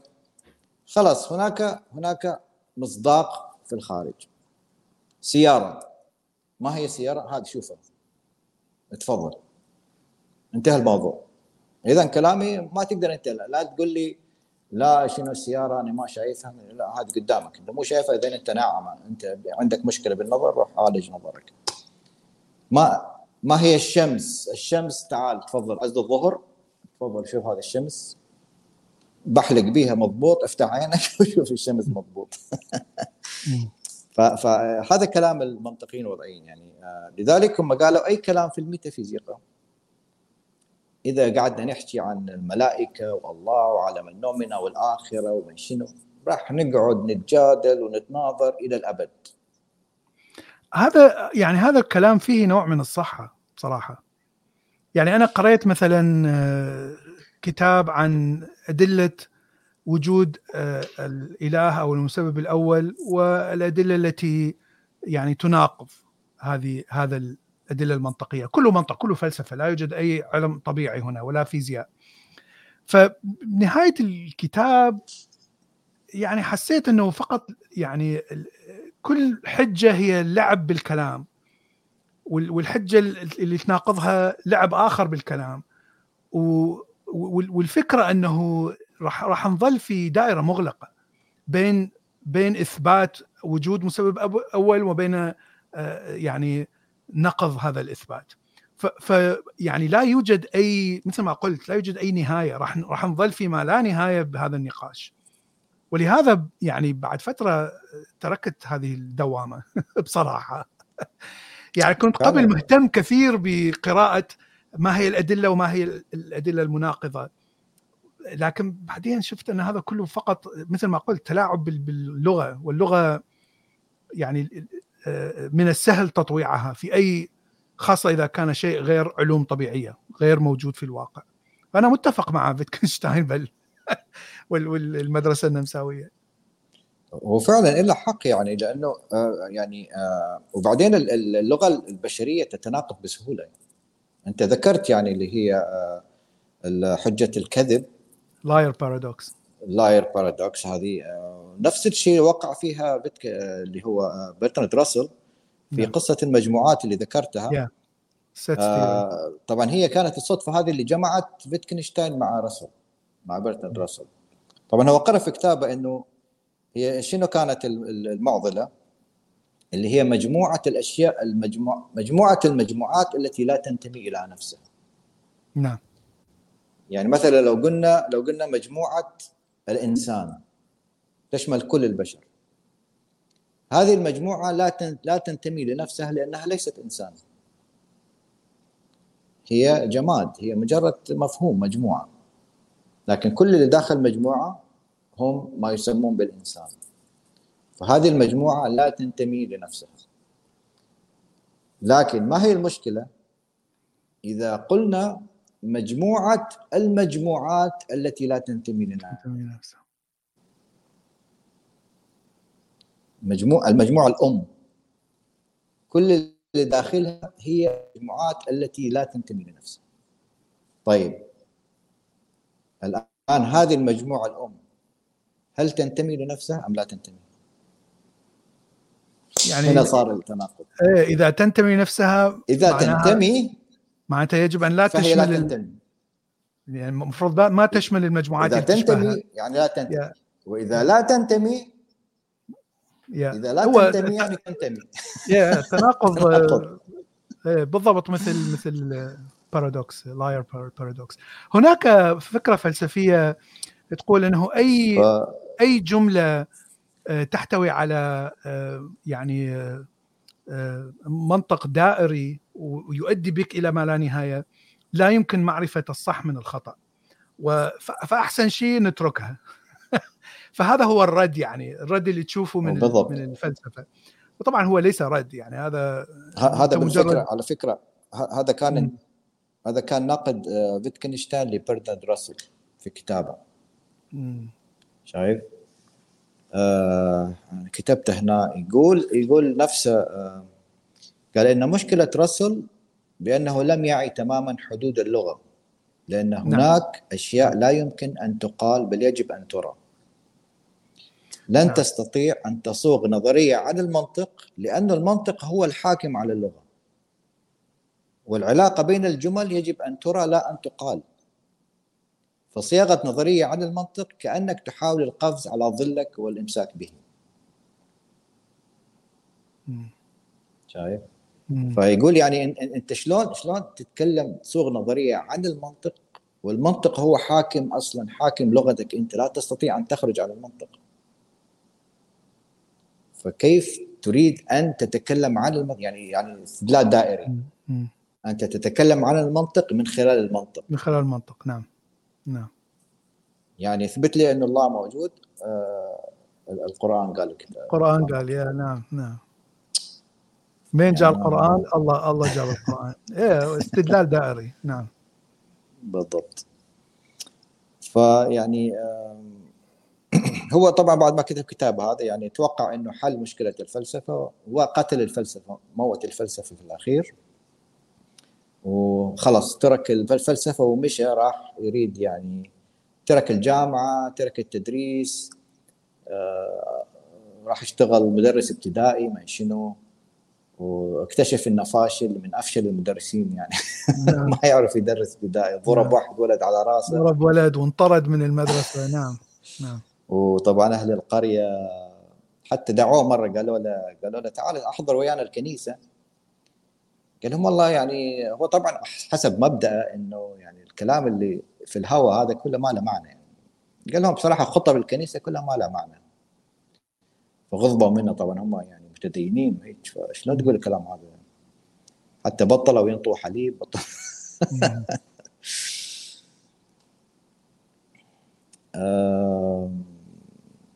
أيضا يعني آه، هو من مقولاته أنه التفكير لا يكون إلا بالمنطق وأي فكر خارج المنطق فهو ليس تفكيرا يعني أصلا. يعني أنت إذا ما تستخدم المنطق المنطق حاكم على لغتك حاكم على تفكيرك. وهو أساس الفلسفة هو هو اختزل الفلسفة كلها في المنطق. نعم. قال الفلسفة عبارة عن شيئين منطق وميتافيزيقيا الميتافيزيقيا كلام فارغ ما ما ظل غير المنطق. المنطق هو في الأخير حتى يقال إنه يعني تعارك مرة ويا برتراند راسل في المكتب مال راسل. آه، راسل طبعا يؤمن بالمنهج التجريبي. قال تريد معرفة سليمة؟ منهج التجريبي. فيتكنشتاين قال له كلامك فارغ. قال له يعني آه، أنا أقدر أثبت لك إنه ماكو في الغرفة مالتي ماكو ديناصور. فيتكنشتاين قال له لا ما تقدر تتأكد. قال له وين الديناصور؟ طيب وريني. وين؟ تحت الكرسي تحت المكتب. وين؟ ورجيني. اياه قال له حتى لو ما تقدر ما تقدر تتأكد 100% إنه ماكو ديناصور بالغرفة مالتك هنا. هاي قسم من الفلاسفه على فكرة اخر آخر شيء أستاذ إيه. بلال. نعم. آه الآن يعني آه، ذاك اليوم قاعد تسمع لميش ميشو كاكو هذا الفيزيائي. يقول إنه ميكانيكا الكم الآن آه، طبعا هو دي دي آه، دي يشرح آه، دي يشرح إنه شلون ال multiverse هذه نظرية ال multiverse الأكوان المتعددة. نعم. إنه كل كل هالأكوان هذه موجودة في نفس الوقت. نعم. فدي يقول ميشو كاكو دي يقول إحنا يعني مخنا مثل الراديو يعني لما أنت يعني تسوي له تيون على موجة معينة يلقط فقط هذه الموجة. لكن في نفس الوقت هناك موجات أخرى في نفس الموجوده في نفس الوقت لكن عقلك وزمنك هذا وكونك لا يلتقط الموجة. فدا يقول أنت الآن موجود في غرفتك هناك ديناصورات في غرفتك هناك آه، فيضان نوح في غرفتك هناك العصور الوسطى محاكم التفتيش موجودة في غرفتك لكن أنت مدى يعني آه، غير ال tuning مالتك الكون مالتك مو نفس ال tune. هذا يثبت كلام فيتكنشتاين يعني okay. هناك يعني أفكار من فلاسفة اللي بعده يقولون هو يقترب من السولوبتيسيزم آه، اللي هي الإغريق اللي يقولون إنه لا يوجد أي شيء ينكرون وجود أي شيء خارج آه، عقلهم. وهاي مدرسة موجودة يعني إغريقية إنه ينكر كل شيء لا يوجد طريقة لإثبات. أي شيء موجود خارج عقلك. ف فقسم يقولون هو يقترب من هذه الأفكار كما ذكرت. بس يحاول يطلع منها يعني يحاول يعني يعني ما يقع بهذا لأنه هو فخ كبير. إذا وقعت بهذا الفخ فأنت فعليا ما راح تعترف بوجود أي شيء بالواقع. راح تقول فقط آه، عقلي هو الموجود هو الشيء الوحيد الموجود. أما كل شيء آخر هي فقط إشارات حسية. ف, ف يعني أنا حاولت آه، آه، أقرأ شوية أنه شلون تخلص من هال يعني من هالورطة. فيتكنشتاين. لكن بصراحة يعني فكرة أنه أنه نكون صور هي فقط موازية للواقع آه، وليست هي بالضبط الواقع. آه، يعني يعني تقترب من هذه الصورة. بس بس على الأقل هو يقول آه، يعترف بمعنى للجمل ومعنى والمعنى يعطي فائدة وكذا. فيعني يحاول يخرج من هذه الورطة أعتقد بإعطاء يعني معنى للغة وإعطاء مو بس حتى معنى غرض للغة.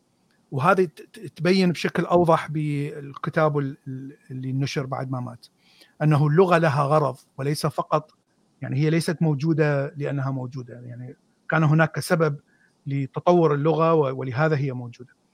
ف يعني حتى وإن قلنا أنه لا يوجد لا استطيع إثبات أي شيء خارج عقلي لكن على الأقل هناك هناك فائدة من وجود هذه اللغة التي يعني تسمح لي أنه أفترض بوجود واقع. يعني أنا أمتلك فكرة عن الواقع الخارجي قد لا أستطيع أن أثبته لكن على الأقل عندي فكرة معينة عن عن هذا الواقع الخارجي. شوية يعني يعني فكرة شوية صعبة لازم يعني مثل ما حتى إذا نرجع إلى فيتكنشتاين هي هو شيء ميتافيزيقي. يعني هاي كلها أفكار آه، إحنا نفكر بالميتافيزيقي بهال, يعني بهال context.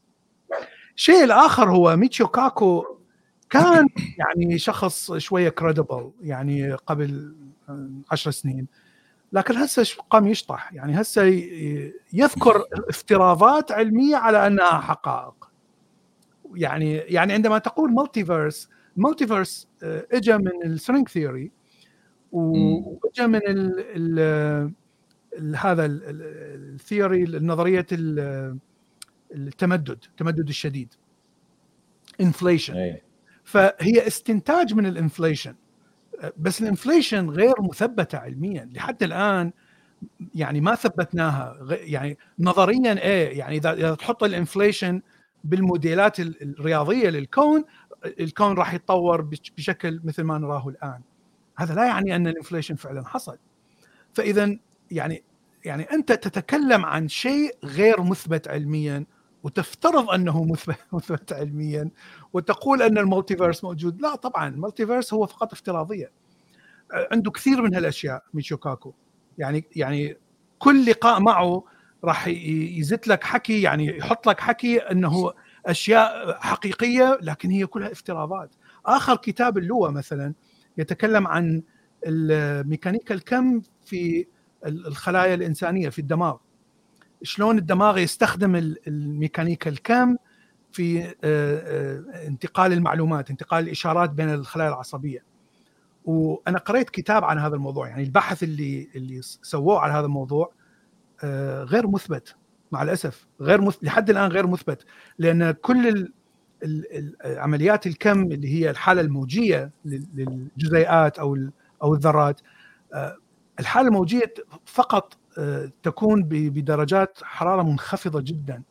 يعني هي افتراضية لأينشتاين أنه يقول أنه ممكن أن الجزيئات تتصرف بطريقة يعني جزيء بمعنى مثلا مركب كيميائي مركب عضوي دي إن اي مثلا أو نواة خلية.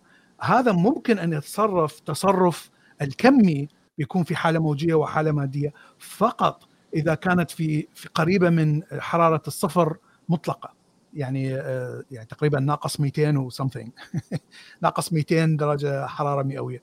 ف ف آه، آه، أثبتوا هذا الكلام بالتجارب على إنه فعلا إذا إذا أخذت جزيئات مادة ليست أساسية مو إلكترون وبروتون ونيوترون لكن جزيئات مادة ذرات ممكن أن تتصرف بطريقة لكن فقط في درجات حرارة منخفضة جدا. فاذا لحد الآن لم نثبت أن ممكن أن خلايا الدماغ أو أو اي خلايا بالطبيعة بالدرجة الحرارة الطبيعية آه، تتصرف تصرف آه، آه، كمي.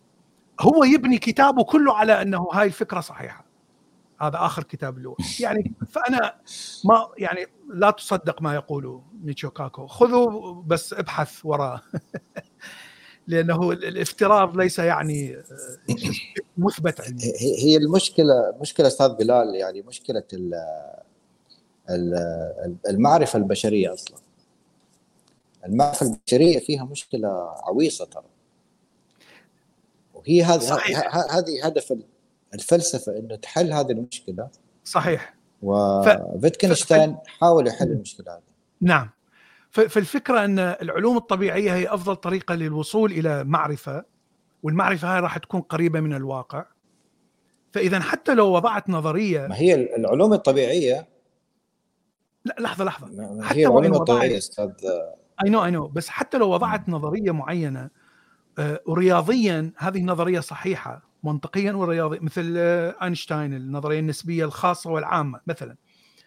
آه، هذه النظرية رياضيا صحيحة ومضبوطة لكن يجب أن تثبت بالتجارب أن الشيء الذي يعني تتنبأ به هذه النظرية بالمعادلات الرياضية الأشياء اللي تتنبأ بها هي فعلا تستطيع ان أن شو اسمه تثبتها بالتجارب. وبهذه الطريقة أثبتوا آه، نظرية أينشتاين الخاصة والعامة. أما فقط بالاعتماد على الافتراضات افتراضيه النظرية أو معادلات النظرية يعني هذا ليس كافي. هذه فقط افتراضيات.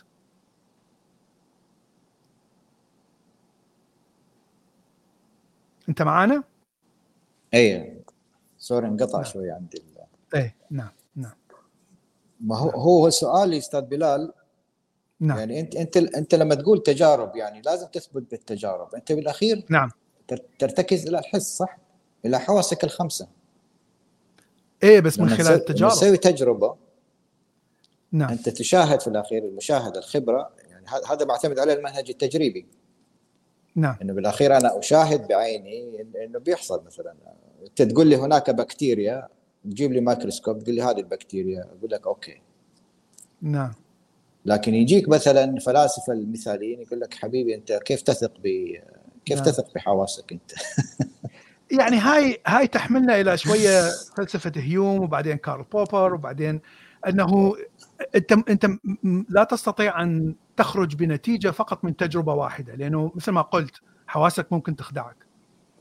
فإذا عندك آه، خطوات محددة لهذه التجربة أي إنسان يستطيع أن أن يعني يتابع هاي الخطوات ويصل نفس النتيجة أو يستنتج نفس النتيجة من حواسه. فإذا إيه بس يقول لك اني ما أثق. إيه، لحظة لحظة. أنا ما لا أثق بحواسك ولا أثق بحواسك اي نو إحنا رجعنا معناها إلى السولبتيزم اللي هو الإغريق. نعم صحيح. أنه لا يمكن أن أن أن أصل إلى حقيقة مطلقة في الواقع. لا يمكن. ولهذا العلم ما يقول أنه نظريات العلمية حقائق مطلقة لأنه لا يمكن لا يمكن أن تصل إلى حقيقة. لأنك مثل ما قلت تعتمد على حواسك. راح تصل إلى إلى موديل قريب من الواقع. كل ما تقترب من الواقع كل ما تصنع تكنولوجيا ممكن أن تعمل. فكل ما تعمل التكنولوجيا أفضل معناته أنت اقتربت من الواقع لكن لا يمكن أن تصل إلى الواقع. يعني لأننا نعتمد على حواسنا. هذه المشكلة. ما هو هو بالعودة إلى ميتشيو كاكو مثلا إيه يعني ميتشيو كاكو كلامه هذا يعني ممكن يأيدك بيجيب آه، لك نظر آه، معادلات رياضية يأيد كلامه مثلا لا معادلات آه. رياضية ليس لها إثبات من التجارب هذه افتراضية وليست وليست هو ي... هو يبني كلامه على كأنها حقائق كأنها مثبته لا, لا مثلا تجارب. مثلا براين جرين نعم. واحد من زملاء من شيكاغو في إيه. نظرية الأوتار. معروف براين جرين. براين جرين معروف نعم. قال هناك علماء في 2010 استطاعوا أن يقيسوا مقدار المادة المظلمة اللي موجودة في كوننا. وعبارة عن رقم يعني يمكن 25 صفر بعدين 13 something like this يعني. نعم نعم. فقال تخيل يعني كوننا يعني استطاعوا أن يثبتوا إنه كوننا واخذوا على إجازة نوبل باي ذا يعني انه إنه كوننا يعني الانفجار الكبير حصل بسبب هذه الكمية الضئيلة من المادة المظلمة عدم عدم التوازن أي. ما بين المادة وال antimatter المادة فقال فقال نعم. كيف هذا الكون اللي هو عبارة عن أكثر من 96% مادة مظلمة و dark energy اذا الانفجارات هذه موجودة يعني طوال الوقت يعني بطريقة لا يعني متناهية لا متناهية. هذا هذا هذا افتراض عزيزي هذا افتراض وليس إثبات. ما هذا في الفلسفة يسموه استنباط. اي اي نو بالأخير انت انت أنت عندك معطيات العلوم معينة. العلوم الطبيعية ليس فيها استنباط ولا استنتاج. الاستنتاج يأتي من التجارب. آآ آآ إيه، ما هو ما هو في الأخير استنباط استنباط. يعني هو هو, إيه هو بس, بس معناها افتراض وليس التجارب التجارب عبارة عن استقراء. أنت تسوي شيء استقرائيا عبارة عن تجربة وأشياء ومنهج نعم. تجريبي نعم. والكلام هذا. في الأخير نعم. النتائج التي المعطيات اللي تجيك الأرقام هذه أنت بالأخير لازم تصوغها بطريقة يسموه استنباط. تطلع منها بنظرية. إذا استنبطت شيء مختلف عن الواقع فإذا يجب أن تثبت هذا الشيء. هو يقول مو في أشياء ما تقدر تثبتها أستاذ بلال. اذا يعني هو غير غير مثبت. اذا هو غير مثبت. مثلا هناك شيء هناك شيء اسمه إلكترون. نعم. ما نقدر نشوفه. لا بس لكن نقدر نقدر نثبته بالتجارب. ممكن أن اثبت فعلا. ممكن أثبت وجود الإلكترون بالتجارب. لا لا لا لحظة لحظة. ممكن أن أقيس وجود الإلكترون وتأثيره وتفاعله بالتجارب. الالكترون ليس مقياس. لكن لكن في الأخير أنت المعطيات اللي أخذتها هذه من خلال قياسك لآثار الإلكترون صح؟ نعم. بمعادلات رياضية. نعم. وكل ما تكرر كل ما تحسب معادلة رياضية يطلع لك نفس النتيجة. نعم. في الأخير هذا يعطيك معطى أو معلومة معينة. أنت بالأخير تأخذ المعلومة هذه الاستقرائية وتستنبط منها نظرية إنه هناك شيء اسمه إلكترون.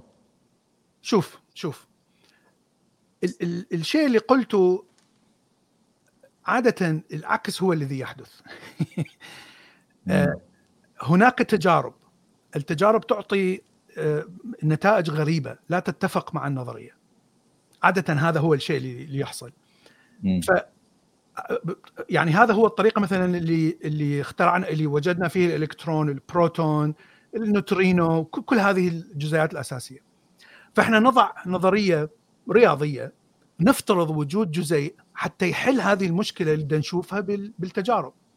فوضع هذا الجزيء بالنظرية يتنبأ بتنبؤات معينة ب- بتجارب إذا سويت هيك تجربة راح راح تشوف هيك نتائج إذا كانت هذه الافتراضية صحيحة. لما تسوي تجارب بناء على هذه الافتراضية راح تكتشف أنه هذه الافتراضية صح أو خطأ. ف لما لما افترضنا وجود إلكترون طلعت صح آه، نيوترينو صح. لما افترضنا وجود بواسطة نظرية الأوتار وجود super symmetry أن هناك مواد أو جزيئات يعني موازية للجزيئات المادية. طلع خطأ. لم نكتشف ما موجودة. لحد الآن. ممكن أن تكون موجودة لا أحد يعرف. لكن هذه هي الطريقة العلمية. ف لما لما أستنتج شيء من معادلات معينة مثلا معادلة أينشتاين النسبية العامة تتنبأ بوجود الموجات الموجات الجاذبية ال gravitational waves هذا الكلام من من عشرينات القرن الماضي. ليس شيء جديد. بالضبط. لكن لم يكن هناك طريقة لإثبات أنه الموجات الجاذبية موجودة هي فعلا. فكانت افتراض لم تكن آه، صحيحة. لما يقول لك أنه هناك مع أنه نظرية النسبية العامة كانت مثبتة في في عشرينات أصبحت مثبتة. خلاص أثبتناها بالتجارب. لكن إلى أن أثبتنا أو أو استطعنا أن نقيس هذه الموجات الجاذبية يلا قلنا إنه آه okay الآن أثبتنا وجودها حسب تنبؤ آه، نظريه أينشتاين. نفس الشيء لما لما تقول إنه إذا كان هناك انفجار عظيم وال- والموديل الرياضي اللي حطيناه حتى يفسر الانفجار العظيم ومتطابق مع ال background CMB ال background radiation اللي هو صار ب 300 ألف سنة تقريبا. بعد بداية الانفجار العظيم متطابق مع هذا ومتطابق مع بس هذا موديل رياضي هذا فقط موديل رياضي. أنت لم تثبت أن كل تفاصيل الموديل الرياضي هذه صحيحة. بما فيها ال inflation ال inflation اللي, اللي هو يفسر آه، ليش هناك مادة وال anti مادة اختفت. لماذا هناك مادة مثلا؟ ف لكن هذا افتراض. بناء على ال in- ال inflation ممكن أن يكون هناك multiverse ممكن أن يكون هناك أكوان عديدة لكن هذا الكلام افتراضي. لأنه لا يوجد إثبات. إذا قلت أنه لا أستطيع أن أثبت وجود multiverse اذا كلامك كله افتراض راح يصير. راح يصير ميتافيزيقيا. نرجع على الميتافيزيقيا هناك أيضا بنظرية الكم نفسها ال Schrödinger equation معادلة شرودنجر تتنبأ بوجود عوالم مو أكوان لكن عوالم. هاي نظرية ايفرت اللي طلعها بالستينات. أنه كل ما كل ما تتحول من الموجة إلى المادة كل نقطة في هذه الموجة تتحول إلى عالم مستقل بذاته. هذا صحيح كلام هذا كلام افتراضي. هذا ميتافيزيقيا. ما هذه هذا ما ليس هذه المشكلة ان إلى أن شوف إلى أن آه، النظرية أو أي نظرية آه، تعطيك طريقة للتجربة مثل ما يقول بوبر آه، إنه falsifiable أعطيك طريقة حتى تثبت أو عد أو أو تثبت عدم صحة. إلى أن يحصل هذا الحك كلام لا يمكن أن أعتبر أنه هذا الكلام صحيح. أعتبره افتراضيا. هي, هي نظريه أنا لا يعني أنه كم, خطأ. أنا لا أقول أنه كم, خطأ. كم تفسير لها أستاذ بلال؟ نظريتك الكم؟ أو الكم يعني هناك تفسير أساسي واللي ما حد يعترف به الآن. آه،؟ كوبنهاجن. كوبنهاجن. ما حد يعترف به الآن. كله يعتبروه أنه خرط. آه، فهناك هيو ايفرت اللي هو عدة عوالم وهناك Bohmian Bohmian mechanics اللي هو. يعتبر أن هناك hidden variables هناك متغيرات مخفية لا نعرفها آه، آه، هي التي تربط آه، كل يعني تربط هاي النقاط الغامضة الموجودة في الكم. فمثلا هي تشرح التشابك تشرح ال quantum tunneling تشرح كل هالأشياء لكن يعني بعدها كل هذا الكلام كله افتراضيات يعني لحد الآن لم يثبت أي شيء. ما هي الافتراضيات هذه أستاذ بلال؟ هي عبارة عن استنباط. مم. لذلك تختلف شوف شوف أنا أنا متفق أنا متفق استنباطات تختلف بالأخير. فهذه إيه هذه مشكلة المعرفة الإنسانية في الأخير. إيه إيه إيه لكن الاستنباط لا يعني أنه معرفة صحيحة. الاستنباط بمعنى أنه يحتمل الخطأ أو الصح. حتى أكيد أعرف أكيد. أن الاستنباط صحيح يجب أن يكون هناك falsifiability. يجب أن يعطيني طريقة أنه أثبت بها صحته أو عدم صحته. وهذا ما يقوله بوبر للعالم الآخر.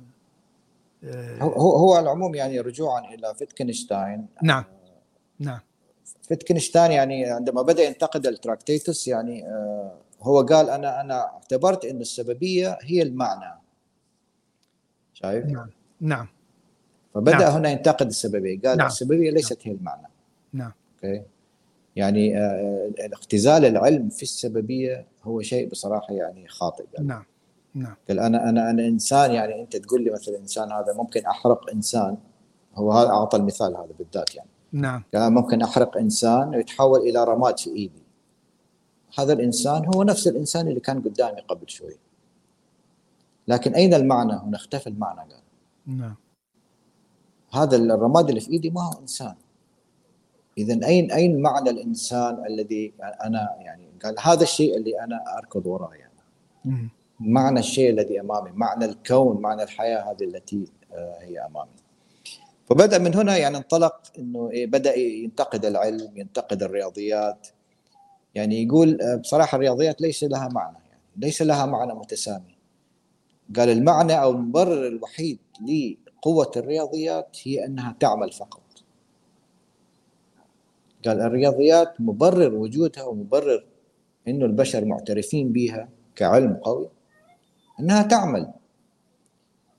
قال المعادلة التي التي تعمل وتطلع لي نتائج صحيحة هذه يسميها رياضيات. المعادلة التي لا تعمل تطلع لي نتائج خاطئة هذه ليست رياضيات. كان نفس الشيء ينطبق على الفيزياء على الكيمياء على كل آه العلم. نعم. طبعا برتر راسل لما سمع الكلام هذا يعني أستاء جدا يعني. إيه راسل لم يعجبه الكتاب آه، مباحثات في الفلسفة أو بحث في الفلسفة. كان فعلا. قال قال يعني هذا مو نظام هيكلي فلسفي جديد. يعني هو فقط آه، كلام بس بس عي يعطي ملاحظات. يعني بينما تراكتيتس كان بناء فلسفي لمنظومة يعني متزنة. فما عجبه الكتاب. فعلا. هو قال يعني آه، قال فقد فيتكنشتاين فقد الشغف للتفكير الجدي. serious thinking يعني. هو فعليا فصل فصل المنطق عن اللغة. مثل ما قلت يعني اللغة أصبحت غير ما لها علاقة بالمنطق آه، علاقتها فقط في كيفية استخدامها وفائدتها بالنسبة لي بال context اللي اللي نستخدمها فيه. ف... بس كلامه صحيح لأنه إيه طبعا يا يا كلامه صحيح. هاي المنطق هاي ليس ليس مطلقا يعني. صحيح. المنطق في الأخير نحن يعني حسب كلام حسب كلام فيتكنشتاين يعني المنطق لا يمكن أن تجد له مصداق في الخارج يعني لما تقول لي استحالة اجتماع النقيضين هذه الجملة هل تستطيع أن تدلل عليها في الخارج بأي شيء؟ هل تستطيع أن تجيب متناقضين تجمعهم ويا بعض وتقول لي هذا اجتماع متناقضين؟ مستحيل ف يعني, يعني حتى المنطق في الأخير اكتشفنا حتى من خلال الميكانيكا الكم اكتشفنا إنه المنطق نعم. ممكن كسره بصراحة بسهولة يعني. نعم. ف نعم. نعم.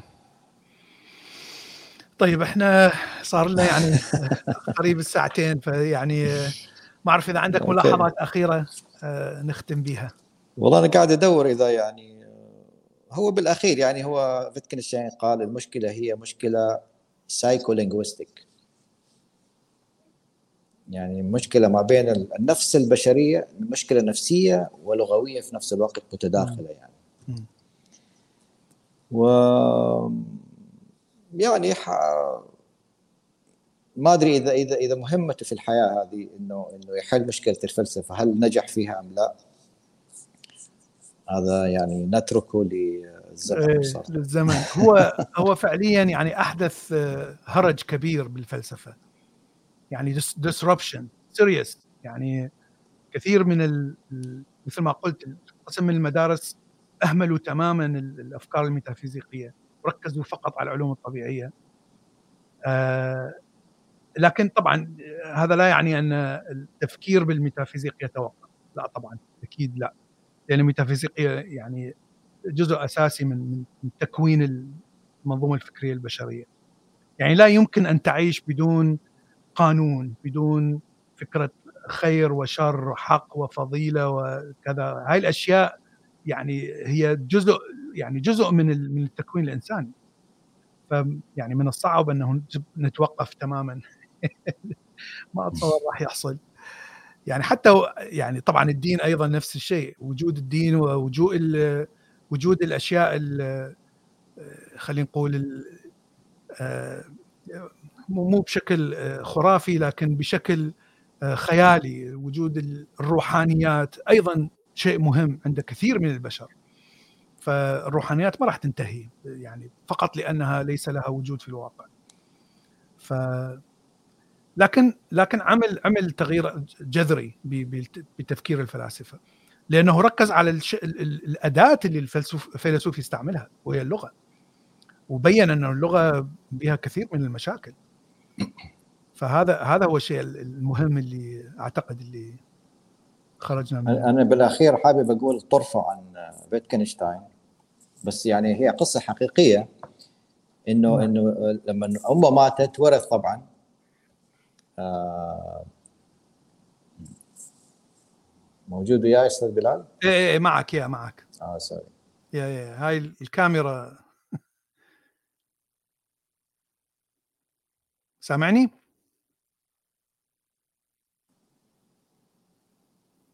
سامعني؟ اي سامعك سامعك. اي أوكي نعم. آه طبعا تبرع هو بالأموال هذه أعطاها لشعراء وما شنو. بعدين قاعد مبسوط طبعا إنه إنه خلص من المبلغ كله.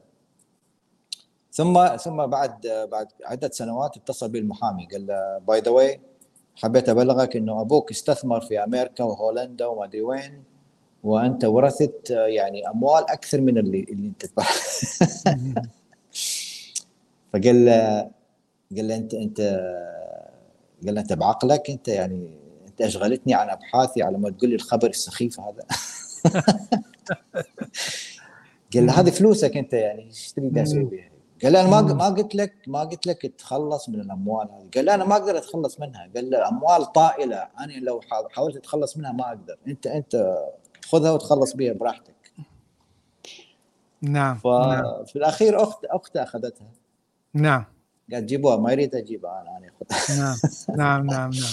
حتى هذه يعني الدرجة يعني الانسان ساعدتها بعد يعني بعد فترة ساعدتها حتى يحصل فلوس لأنه مفلس كان. اي هو يقول الفلوس هذه عبارة عن ديستراكشن يعني أنا ما أريد أي شيء يعني يشغلني عن نعم. الفلسفة والهدف. نعم نعم نعم يعني هذا كانت طرفه عن حياته يعني. نعم. نعم. إنسان غريب فعلا. يا. أعتقد أنه فكرته افكاره الأساسية عن اللغة مهمة مهمة كثير بحيث يعني مفروض نقرأ مفروض نتعلم أفكاره سواء اتفقنا معها أو لم نتفق. يعني تفتح أفق كثيرة بفهمك للغة وكيف تتطور اللغة. كثير من الناس يعتبرون اللغة شيء مطلق وشيء مقدس خاصة عند اليهود مثلا. اليهود يعتبرون لغتهم مقدسة وإلهية. يعني المسلمين بدرجة شوية أقل يعتبرون العربية لغة مقدسة أو إلهية.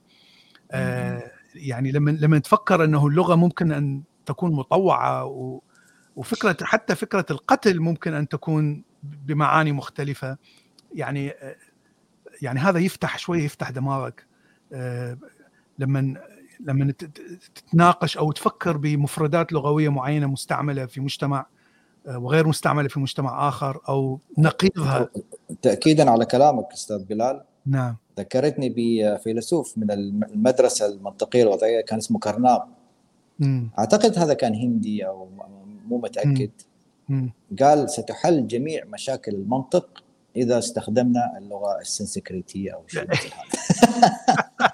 الهنود يعتبرون السنسكريتيه هي أول لغة بالعالم by the way يعني أنا مو متأكد إذا قال السنسكريتيه إيه أو اللغة مو بس يعتبروها هي أول لغة أنزلت من الآلهة للعالم وحتى ال alphabet هي أول alphabet بالعالم هي السنسكريتيه كثير منهم لا زالوا معتقدين بهذا الشيء بحيث مرة قلت لأحد منهم طيب سوي سوي Google search طلعت الفينيقية طبعا إحنا نعرف الفينيقية هي أول alphabet. يعني انصدم. انصدم بمعنى الكلمة. فكثير من الثقافات تعتبر لغتها مقدسة وتعتبر أنه جاءت من الآلهة.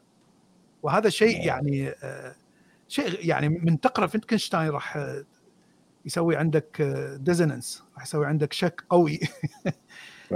إذا كنت تعتبر لغتك مقدسة. طيب آه شكرا جزيلا لأستاذنا العزيز كريتيكال وشكرا للجميع اللي شاركونا اليوم. وتصبحون على ألف خير. شكرا.